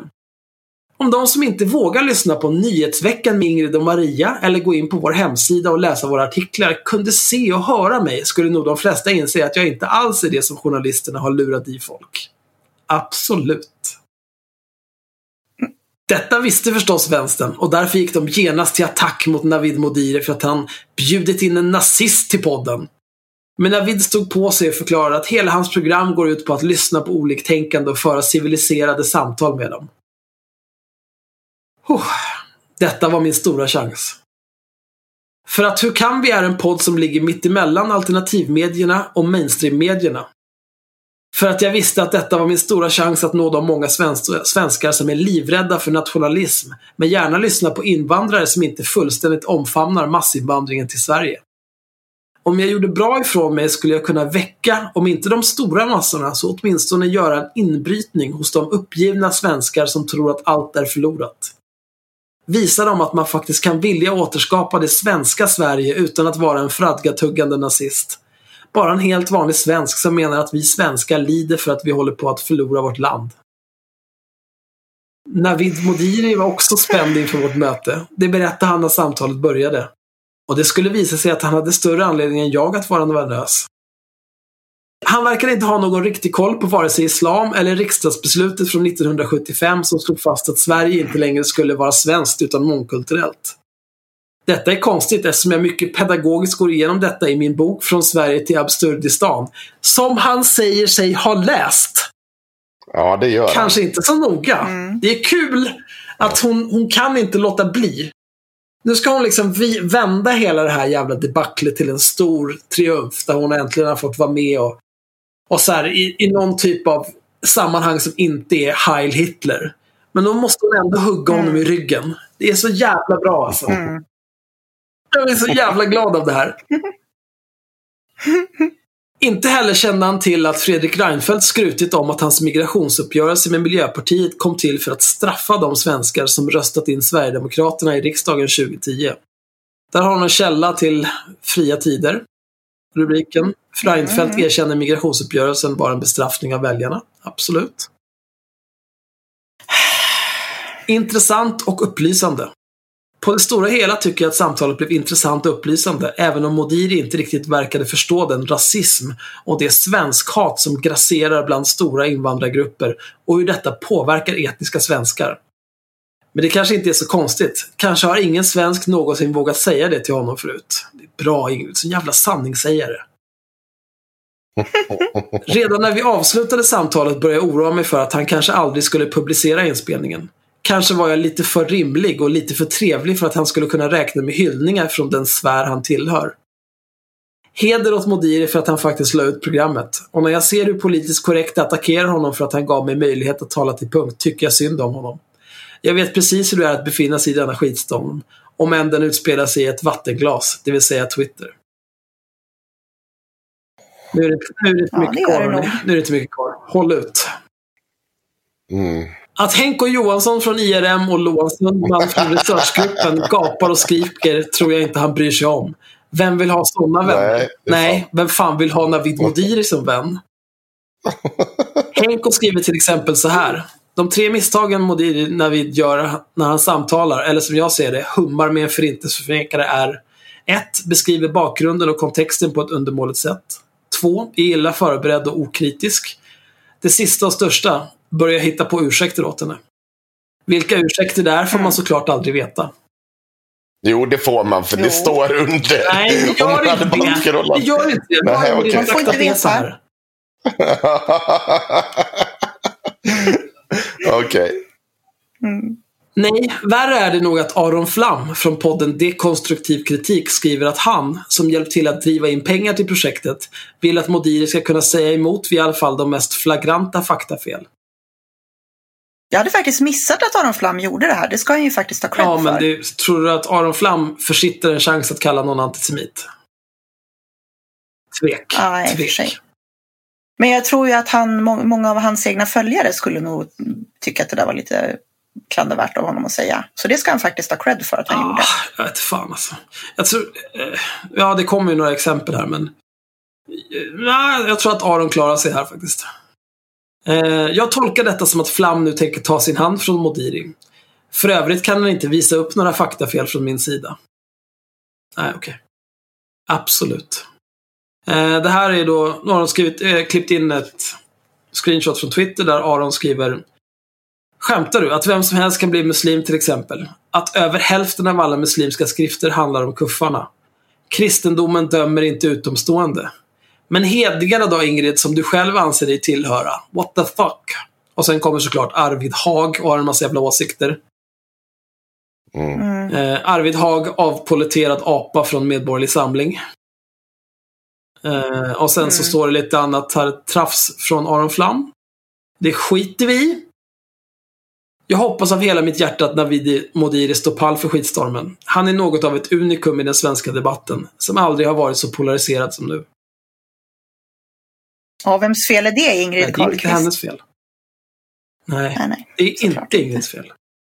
Sanningen är att vi måste börja tala med varandra och sluta kasta skit på alla som inte tycker som vi. Men för vänstern och delar av den ängsliga liberala högern är vänskapliga samtal rena skräckscenariot. De vet ju att de inte har några andra argument än att skrika nazist åt folk. Om vanligt folk förstår att jag inte är nazist så kanske de börjar lyssna på mig. Ett öde värre än döden för egohumanister och den som skriker högst vinner opinionsbildare. För den som inte har tid att se hela intervjun på nästan två timmar finns här ett sammandrag på 10 minuter. Jag har inte sett det här sammandraget men jag gissar att det är bara Ingrids greatest hits. Mm. Så att eh, Ingrid Carlqvist är ju otroligt nöjd och glad över hur det här blev. Mm. Det går också att skicka pengar via Mm. bankgiro, Swish och Paypal. Det borde ju eh, ringa lite varningsklockor att hon är så nöjd över hur det blev. Ja, det kan man ju tycka. Men eh, jag tror inte att det, det kommer nog inte hända. Möjligtvis kommer han väl bli kränkt över att hon högg honom i ryggen med det där med att han hade läst hennes bok men inte kommer ihåg någonting av den. Trist. Trist. Ja, Nu är vi äntligen klara med Navid Modiri. Det tog ju bara ett Ja. år. Ja, det finns så mycket att säga och ja tycka. han har grinat mycket sen det här hände. Alltså, han har grinat mycket och han har hyllat sig själv. Han har delat varenda jävla texten han hittat som hyllar sig själv. Han gjorde en jävligt äcklig grej såg jag. Eh, när Glam-Henrik, Henrik Jönsson var med i förra avsnittet, så delade han det och så skrev han “Samtalet fortsätter”. Eh, ta sätt dig Navid. Samtalet fortsätter utan dig. Du har ingenting med det här att göra. Dela aldrig haveristerna igen. Du gör mig fan rasande din jävla amatör. Det, det, alltså det, det äcklar mig in i min själ, in i min, in i min, min, min märg, att han tror att vi har något som helst intresse av att den där äckliga fanskapet ska dela vår podd. Att han tror att han kan associera sig med oss på något jävla vis under hans jävla paroll. Samtalet fortsätter. Fuck you Navid, din jävla råtta! Keep my name out your mouth! Ja. Nej, det är fan bäst för dig. Äckel! Åh, Han nämnde mig och Henrik, men inte dig. nej, det, det, Så han kanske hade förutsett den här reaktionen. han, han, får, han får aldrig prata om haveristen heller. Fy fan, alltså han är så drägg. Åh! Åh, jag måste gå och duscha. Mm. Kan vi prata, om, kan vi prata lite mer om våran, vårt samtal med Glam-Henrik? Åh, vi pratar lite mer om det. Alla har väl kanske i och för sig inte lyssnat på det. Hur gjorde vi? La vi upp det på Patreon? Nej, det är ett vanligt avsnitt. Det är ett vanligt avsnitt? Okej. Ja, men då så. Då tänker jag förutsätta att alla som hör det här har lyssnat på vårt samtal med Mm. Glam-Henrik. Säkert. Uh, det, eh, Vi har ju fått lite, vi har fått lite reaktioner vi också. Eh, våra återkommande lyssnare tycker att alla gjorde bra ifrån sig och tyckte att det var ett bra samtal med en meningsmotståndare. Eh, vi har även fått ett påpekande om ett faktafel från veckans rättning. Eh, men det var alltså inte någon av oss som hade gjort ett faktafel, nej, utan det var Glam-Henrik. det var Glam-Henrik som började yra om ståndsriksdagen. Ja, men jag, jag uppskattar det här när, vi, när de kommer in och rättar faktafel. Eh, Jag gillar det inte. ska se. Sen kom det in något jävla SD-troll som är helt labilt. Och någon vill ha sig i bakfickan och slänga fram. Eh, jag ska se. Vi hade någon idiot där. Vad, jag tycker det, mesta på Facebook i kommentarsfältet till avsnittet Mm. var ganska rimligt. Eh, sen var det några som skrev så här långa väggar av text på Twitter som jag inte orkade läsa utan jag bara mutade dem.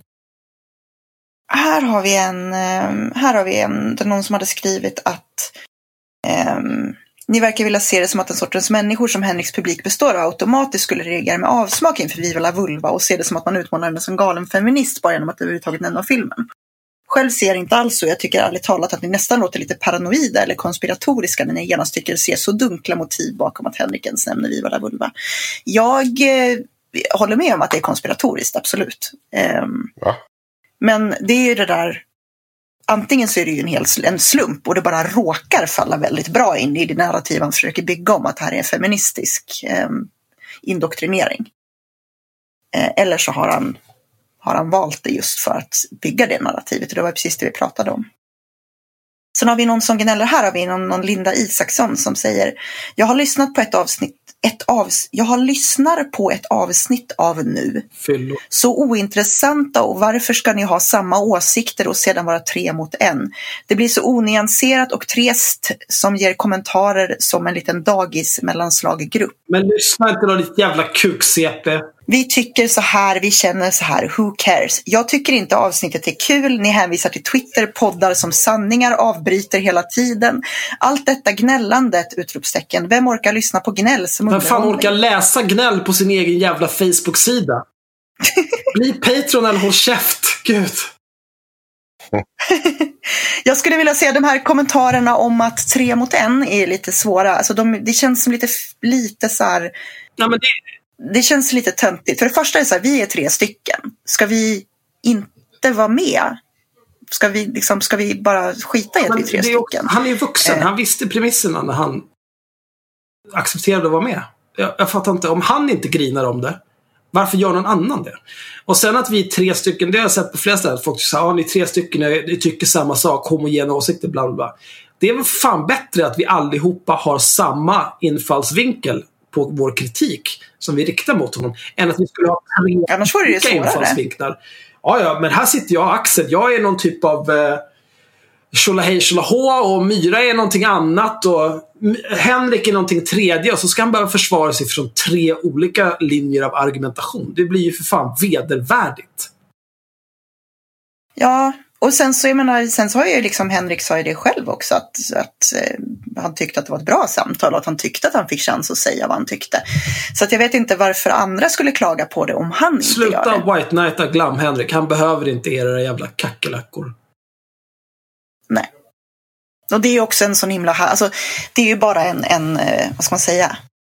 Det är ju ett sätt att slippa, eh, alltså att på något sätt ta ifrån oss eh, eventu- en eventuell Alltså att om vi skulle ha, man, man vill inte säga att vi skulle ha åstadkommit någonting utan man försöker säga att ja, men ni var ju tre stycken och så ska man kunna avfärda precis allting vi säger och allting vi har gjort för att det var tre stycken. Då behöver man inte ta i några sakfrågor överhuvudtaget. Ja, i övrigt då? Ska vi ha fler gäster i framtiden? Ja, absolut. Vi måste ha en, kvinnlig gäst. Vi kan inte ha det så här. Nej, men vi ska ju bjuda in en annan Ahman och prata porr. Och, mm, vi, ska prata, vi ska prata mammarollen tror jag med Anna Nachman. Det Ja. tror jag är bra. För hon har ju Hon varit... är mamma. Hon kan ju en hel del. Hon är mamma. Hon har ju varit, hon har varit kontroversiell i vissa av sina uttalanden om hur man är mamma. Eh, på ett sätt som jag tycker är väldigt intressant att se reaktionerna. Ja, jag tycker eh, så som hon beskriver det är liksom hennes, hennes föräldraskap är, känns som så som jag växte upp. Men det, är- det är någonting nu liksom med, med den här nya generationen att de ska klämmas bort. Vad fan, eh, ungarna får inte ens stryk nu för tiden. Det är ju helt sjukt. Det blir ju sociopater allihopa. Måste ju få en smäll så att de lär sig. Nej, fel! Mm. Jag tar avstånd. Det här är så konstigt. Ja, ni kan ringa SOS. Jag har inga barn som jag kan spöa ändå. Som eh, Nej. Nej, men jag, jag håller med om att det finns en, en väldigt konstig syn på så här. eh, Alltså, framförallt så, jag vet att vi pratade om det här när vi pratade om Lamotte och att äh, folk skulle bete sig illa på skolor så vet jag att vi pratade om att jag, så när jag pratar med människor som jobbar på skolor så har jag faktiskt så återkommande, nu är det ju så här anonym polis, men jag har ju faktiskt återkommande att ett problem i skolan är att, lä- alltså att föräldrarna ska föreläsa för lärarna om hur man ska vara pedagogisk mot deras barn till exempel. ja. Jag tror inte att man går liksom lärarhögskola i fem år för att sen bli föreläst för någon, liksom, hur man ska vara pedagog. Det känns lite Men du vet, det där är ju den här dåliga föräldrasjukan. Det är, liksom, det är Mm. som så här småbarnsföräldrar som åker till akuten för att ungen hostar lite. Läkaren säger så här, ah, nej, jag vet Mm. inte. Det här ser ju bra ut. Åk hem. Och så ska börja de så här, men man känner väl sitt barn bäst själv? Jo, absolut. Men är du läkare eller? Mm. Folk behöver, alltså småbarnsföräldrar, föräldrar överlag, de behöver bara ta och sätta sig ner och acceptera att de inte kan allt bara för att de har lyckats kläcka fram en jävla unge. Mm. Sen så tror jag att man ska överväga så att Precis som att man ska överväga att om någon, något trauma sker till en när, hos en nära vän, typ de blir våldtagen av en svart kille, så kanske man inte beter sig helt rationellt som vi konstaterade. Jag tror att det går gånger tusen när det gäller ens Ja, barn. absolut. Det påminner mig om en sak. Ingen kan vara rationell när det, när det För handlar om ens många år sedan, så jobba, när jag jobbade med data, då pratade jag med en person som hade gjort helt vansinniga saker med sin data. Och så frågade jag, varför Mm. har du gjort så här med din data? Då sa han så här, nej men du vet, eh, jag har ju pratat med min son om det här. Han går ju på IT-gymnasium. Han kan de här grejerna. Och då kände jag, nej, nu, nu sprättar jag upp dig bara. Det var det dummaste jag hört. IT-gymnasium. Min brorsa gick på IT-gymnasium. Men han gör inte det längre och nu kan han data på riktigt. Ja.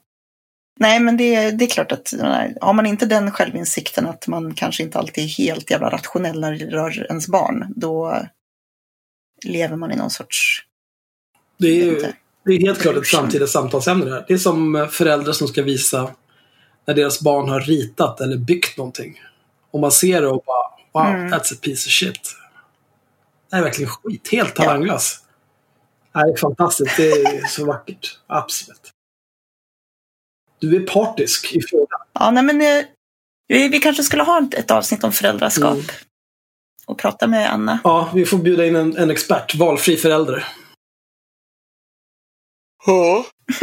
Har vi någon till punkt vi känner att vi orkar med? Eller ska vi nöja oss för dag? Vi kan ju nämna att eh, svenska unga muslimer får pengar igen. Vi ska säga någonting om Ja. reformisterna också.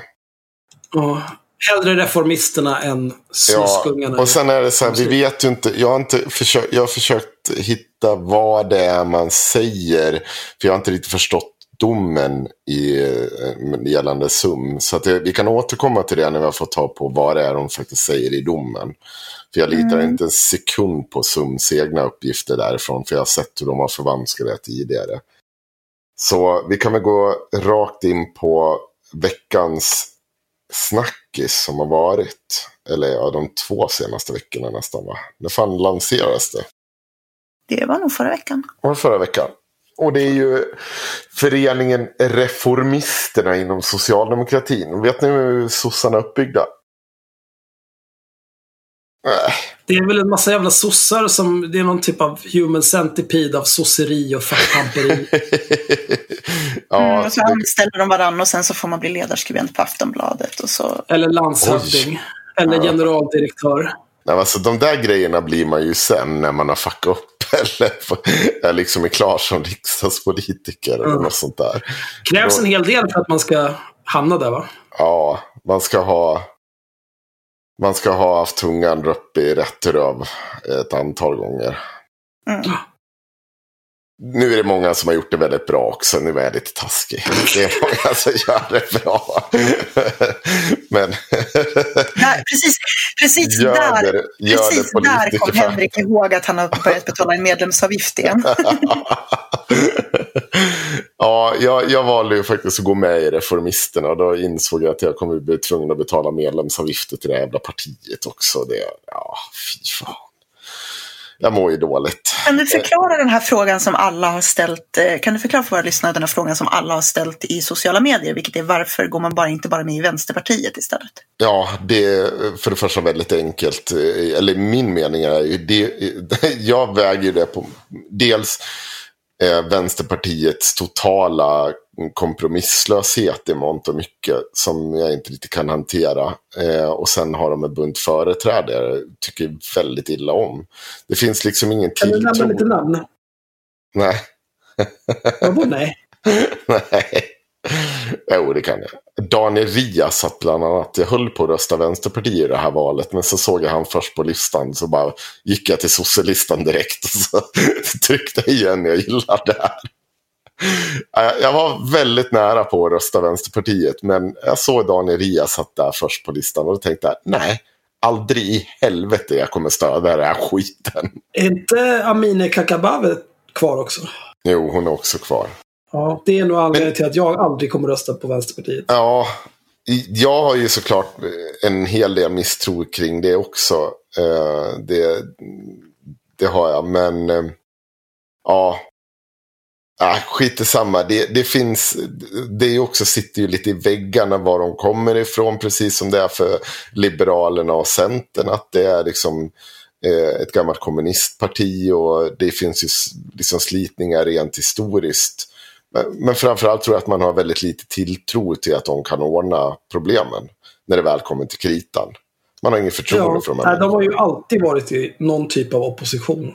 Ja, det är mycket opposition och eh, liksom eh, hellre rösta nej än att ta ett liksom som jag ser det så är det, man kan ju ta ett steg tillbaka om man tar sats för att jobba framåt.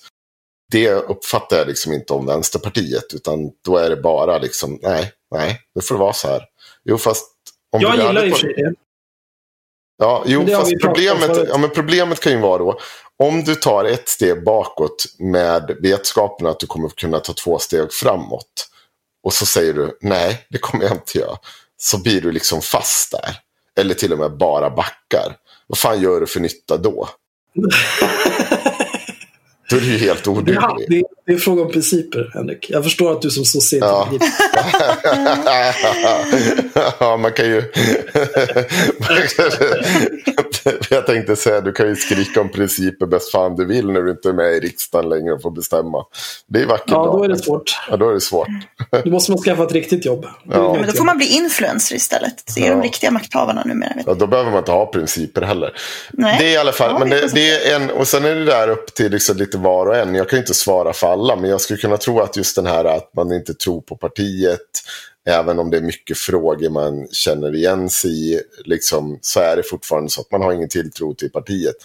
Eh, och man tror fortfarande någonstans på sitt eget parti att det går att förändra. Och det är väl lite det också ehm, eh, reformisterna har gått ut med. Att man är liksom inte, man är en del av partiet, man är inte opposition mot partiet utan man försöker driva på för en annan politik.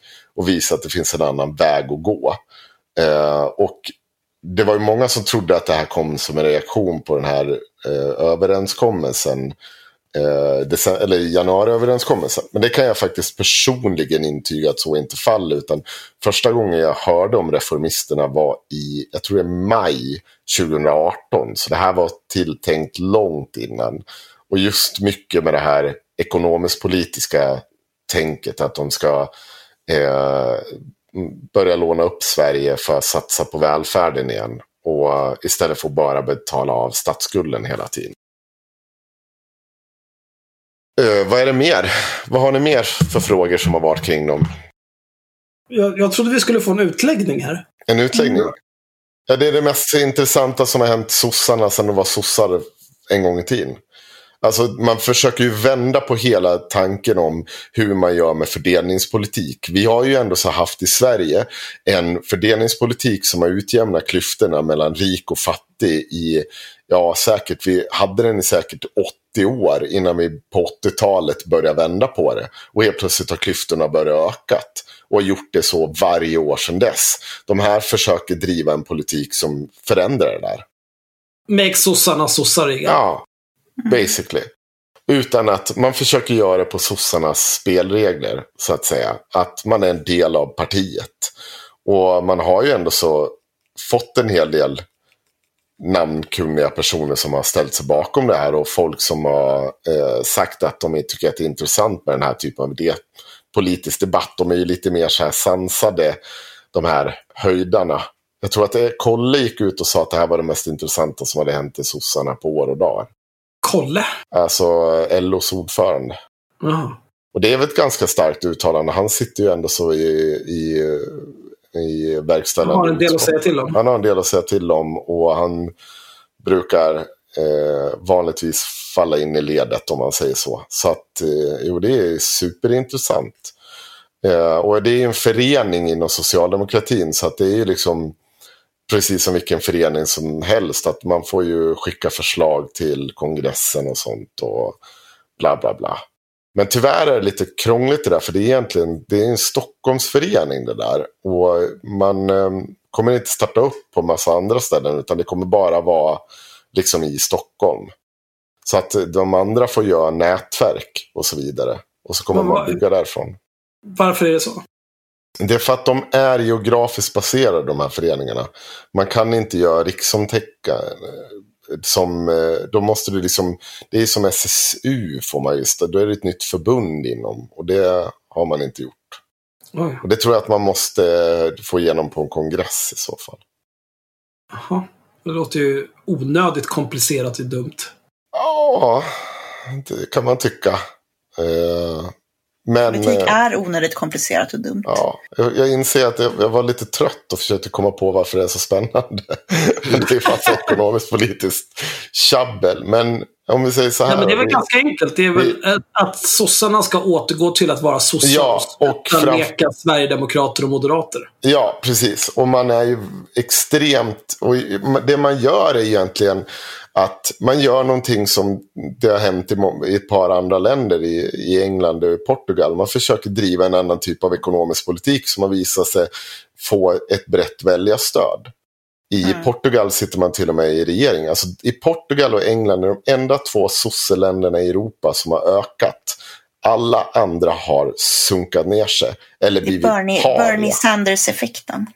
Jo, men det, är liksom, det, det finns också sånt där agg i svensk socialdemokrati att prata om, eh, om Jeremy Corbyn eh, i England. För att de inte har makten. Man pratar om makten hela tiden. Jo, fast vadå makten? Ja, man får väl tänka långsiktigare än så. De, de har ju ökat och ökat. Det, är ju liksom, det kan ju bli ett stabilt maktövertagande. Som räcker sig lite längre än bara en jävla mandatperiod innan man måste byta igen och byta politik. Man kanske vill, hinna- vill hinna genomföra lite reformer. Då måste man väl bygga en stabil maktbas. Ja, men det är ju någonting som jag har gnällt om flera gånger när vi har pratat om svensk partipolitik. Att det saknas den här långsiktigheten. Mm. Ja, Att det, det är liksom, jaha, nu, nu säger Sverigedemokraterna det här dumma. Ja, men då närmar vi oss dem lite grann. ja. Bara för att säga, precis. nu ska vi vinna det här valet. Eller nu kommer en ny opinionsundersökning. Vem fan bryr sig? Ha en egen politik och stå för den. Förklara för folk vad den innebär och varför den är bra för dem. och jobba långsiktigt med den. Ja. Eh, Jag vet att Reformisternas paket är ju över tio år bara det. Alltså hur man ska utöka välfärden och hur man ska bygga nya- nya hus och vad man ska göra med de här lånen man tar. Och Jag sen hade ska nog man... hellre sett en femårsplan faktiskt. Vad sa du?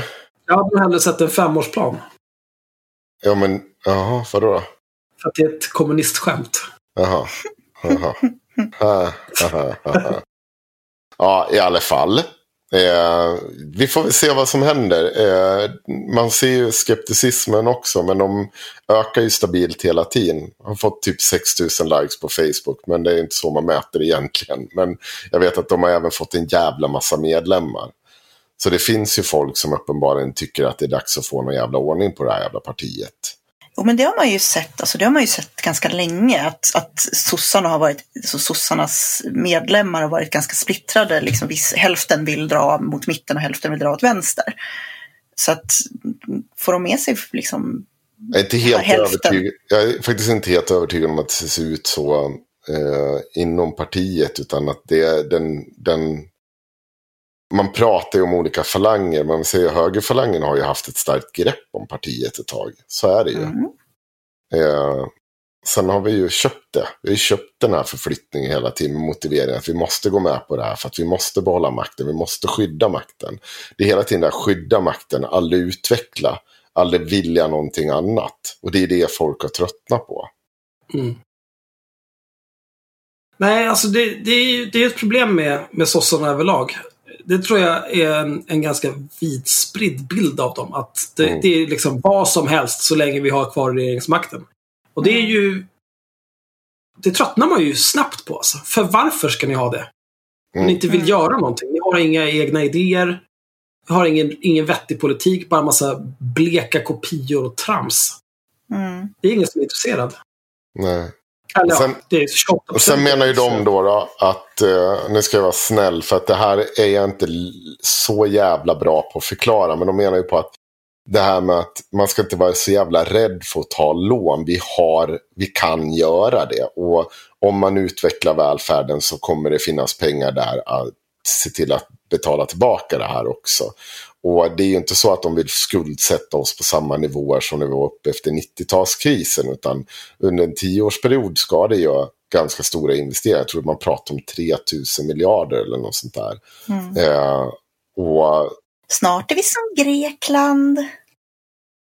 Ja, fast det är inte ens i närheten. Vi, ligger på, vi har så låg statsskuld nu så att man är Mm. orolig över att den är för låg. Det tycker jag visserligen är ett jävla konstigt argument. Men det man menar då är ju att man inte just gör några investeringar.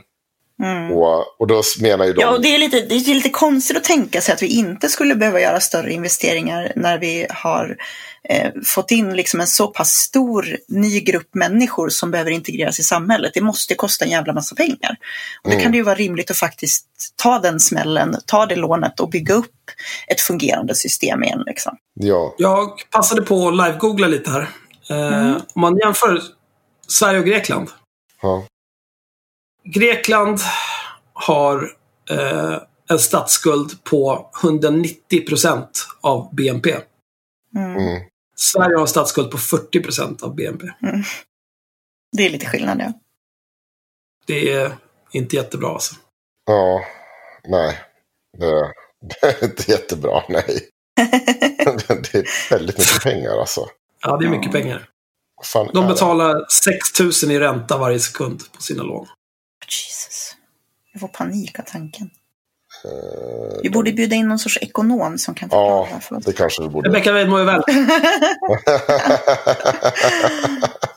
ja, gud ja. Ah, ja. Fan, Men- skulle men- bett henne hjälpa mig att, att gå igenom eh, Navids bokföring? Hon är Ja, ju proffs på bokföring. mm. Ja, just det. Jätteduktig. Ja, vi, vi Eller betalar av den där jävla statsskulden i alla fall. Det är vad vi gör. Ja, men det, alltså det är ju- det där, Nu är inte jag ekonom, men alltså det är ju inte farligt att låna pengar. Nej. Eh, det som är farligt med att låna pengar, det är ju när man tittar på så här Lyxfällan-idioter. Som köper liksom 8 miljoner olika grejer på avbetalning över 10 års tid. Och, ja, det är bara ett par hundralappar i månaden. Men sen så sitter Mm. du där och har köpt 200 000 grejer. Och då Men det drar är det iväg. Det är skillnad på att ta ett lån för att investera också. Alltså när du, när du tar ett lån för att till exempel investera i eh, ett samhälle som på sikt kommer att fungera bättre.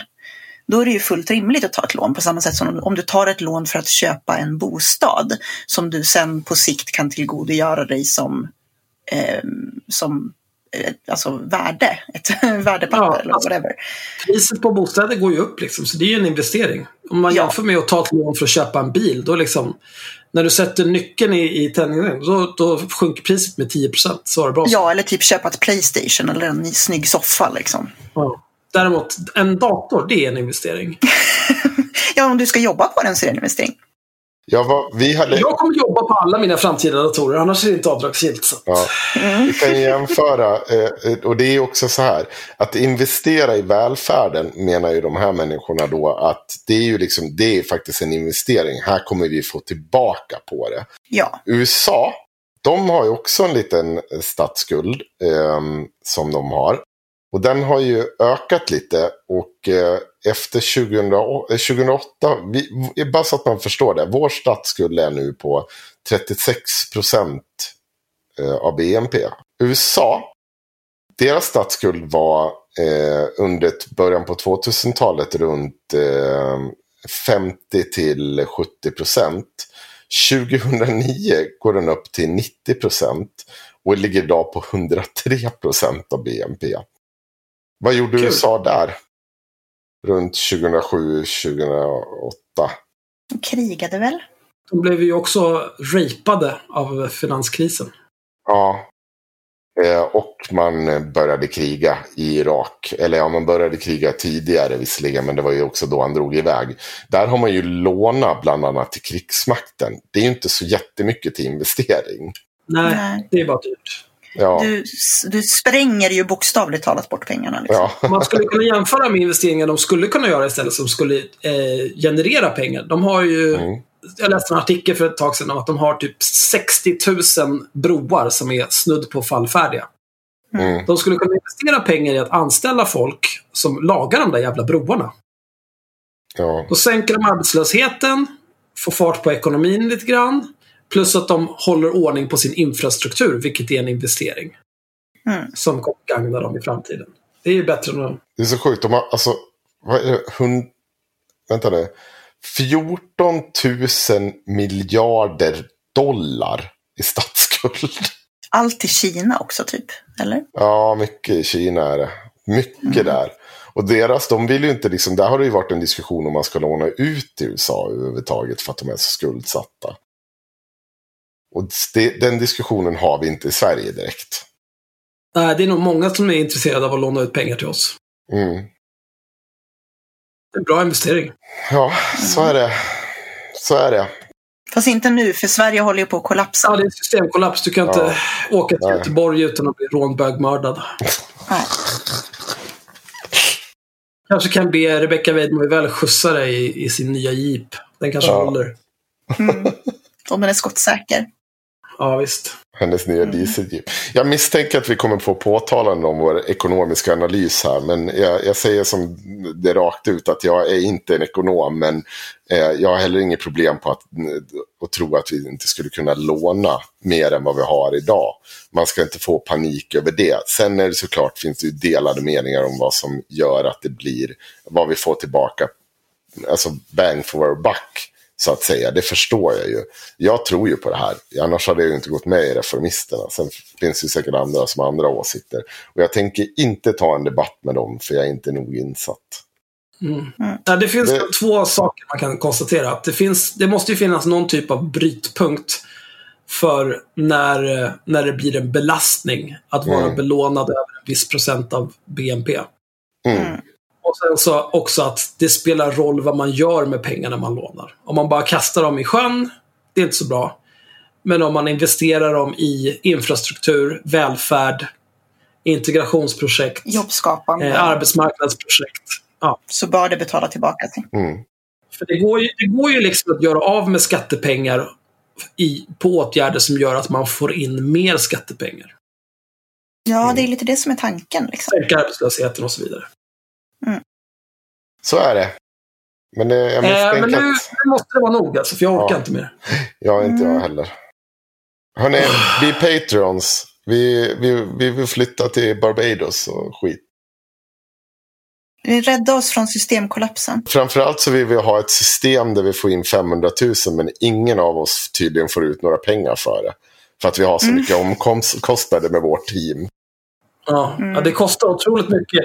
Vårt lilla stackars underbemannade redaktion. Våran stackars klippare. Ja. Martin, ni ska se Martin. Han sitter i källaren hemma hos Axel fastkedjad till Ja. dator där han bara får klippa våra grejer. Så Mm. får han typ hö och vatten Ja. att äta. Men blir ni Patreon så kan ni bidra till att, att han kanske får en liten brödskiva på söndagarna. Kanske komma ut en gång om året. Rastar honom i parken här bakom huset Ja. på natten när ingen ser. Åh, herregud. Så. Ja, jag, jag tror att vi, vi, är för, vi, vi gnäller för lite när vi tigger Patrons. Jag tror att det här är... Ja, alltså vi måste ju börja säga att vi blir tystade av någonting. Någon, Ja. någon försöker tysta oss. Jag blev ju tystad av, jag blev ju tystad av Kickstarter för att jag sa att jag skulle skriva en... eh, Jag sa att jag skulle... Om jag fick in eh, 40 000 så skulle jag skriva en sammanfattning av alla argument som jag gissade att Ann Heberlein och Rebecca Weidmo skulle lägga upp i sin nya bok innan de släppte den. För de håller ju på att kickstarta sin nya bok. Blev du tystad då? Ja, jag blev, jag blev tystad av. Kickstarter. Eller jag vet inte, det tog för lång tid att registrera allting. De skulle kolla upp en massa uppgifter. Myra, gav du upp för att du inte orkar vänta? Men jag blev ju tystad. Ja, det är ett nytt sätt att bli tystade. Ja, men jag blev ju Ja, tystad. nej, det här jag tog ju för lång tid. lägga- Jag försökte lägga upp, jag försöker lägga upp den här kickstarten och så, så kommer liksom, så kommer det jävla sossesystemet med sin byråkrati och kväver min, min röst. Det här är... Ja. Tycker du det är man kan säga så här, är så det så här använder man jag har blivit tystad. Nu blev inte det här som jag ville. Jag har blivit tystad. Exakt. Så funkar det. Jag vet faktiskt inte. Jag måste kolla om de har tystat mig eller inte. Jag tycker du ska utgå ifrån att de har tystat dig. Och så, Ja, alltså, jag har ju så loggar du aldrig in där igen. Eh, jag tror faktiskt inte ens att de har hört av sig, så att jag är ju faktiskt tystad. Det är ju vedervärdigt. Men eh, jag, jag, givetvis så kommer jag uppdatera er. Är det så att jag faktiskt får lägga upp en Kickstarter för det här så kommer jag att göra det. Och jag kommer att samla in pengar för att skriva deras bok innan de skriver sin bok. Oj. För mindre pengar. Det är fan Ja. marknadskrafterna work. Alltså det är vackert. Ja, ja, de måste älska det här. Det är en fri marknad. Ja, vi får se. Men det är såklart våran klippare som kommer få skriva den här i Axels källare. Så att det blir jättebilligt för mig. Det blir perfekt. Eh, bra, men nu skiter vi i det här. Jag orkar inte mer. Jag vill inte leva. Nej, glad Mm. söndag. Bli Patreons. Åh herregud, ska jag behöva gå upp och fakturera imorgon med alltså. Fy fan. Mm. Vilket jävla lidande. Slav då, så att vi kan gå härifrån. Jag stänger av. Ja, Slav. Men, ja, ja, ja. Tack Hej. för den här tiden, kära lyssnare. Eh, ha det bra. Puss och kram.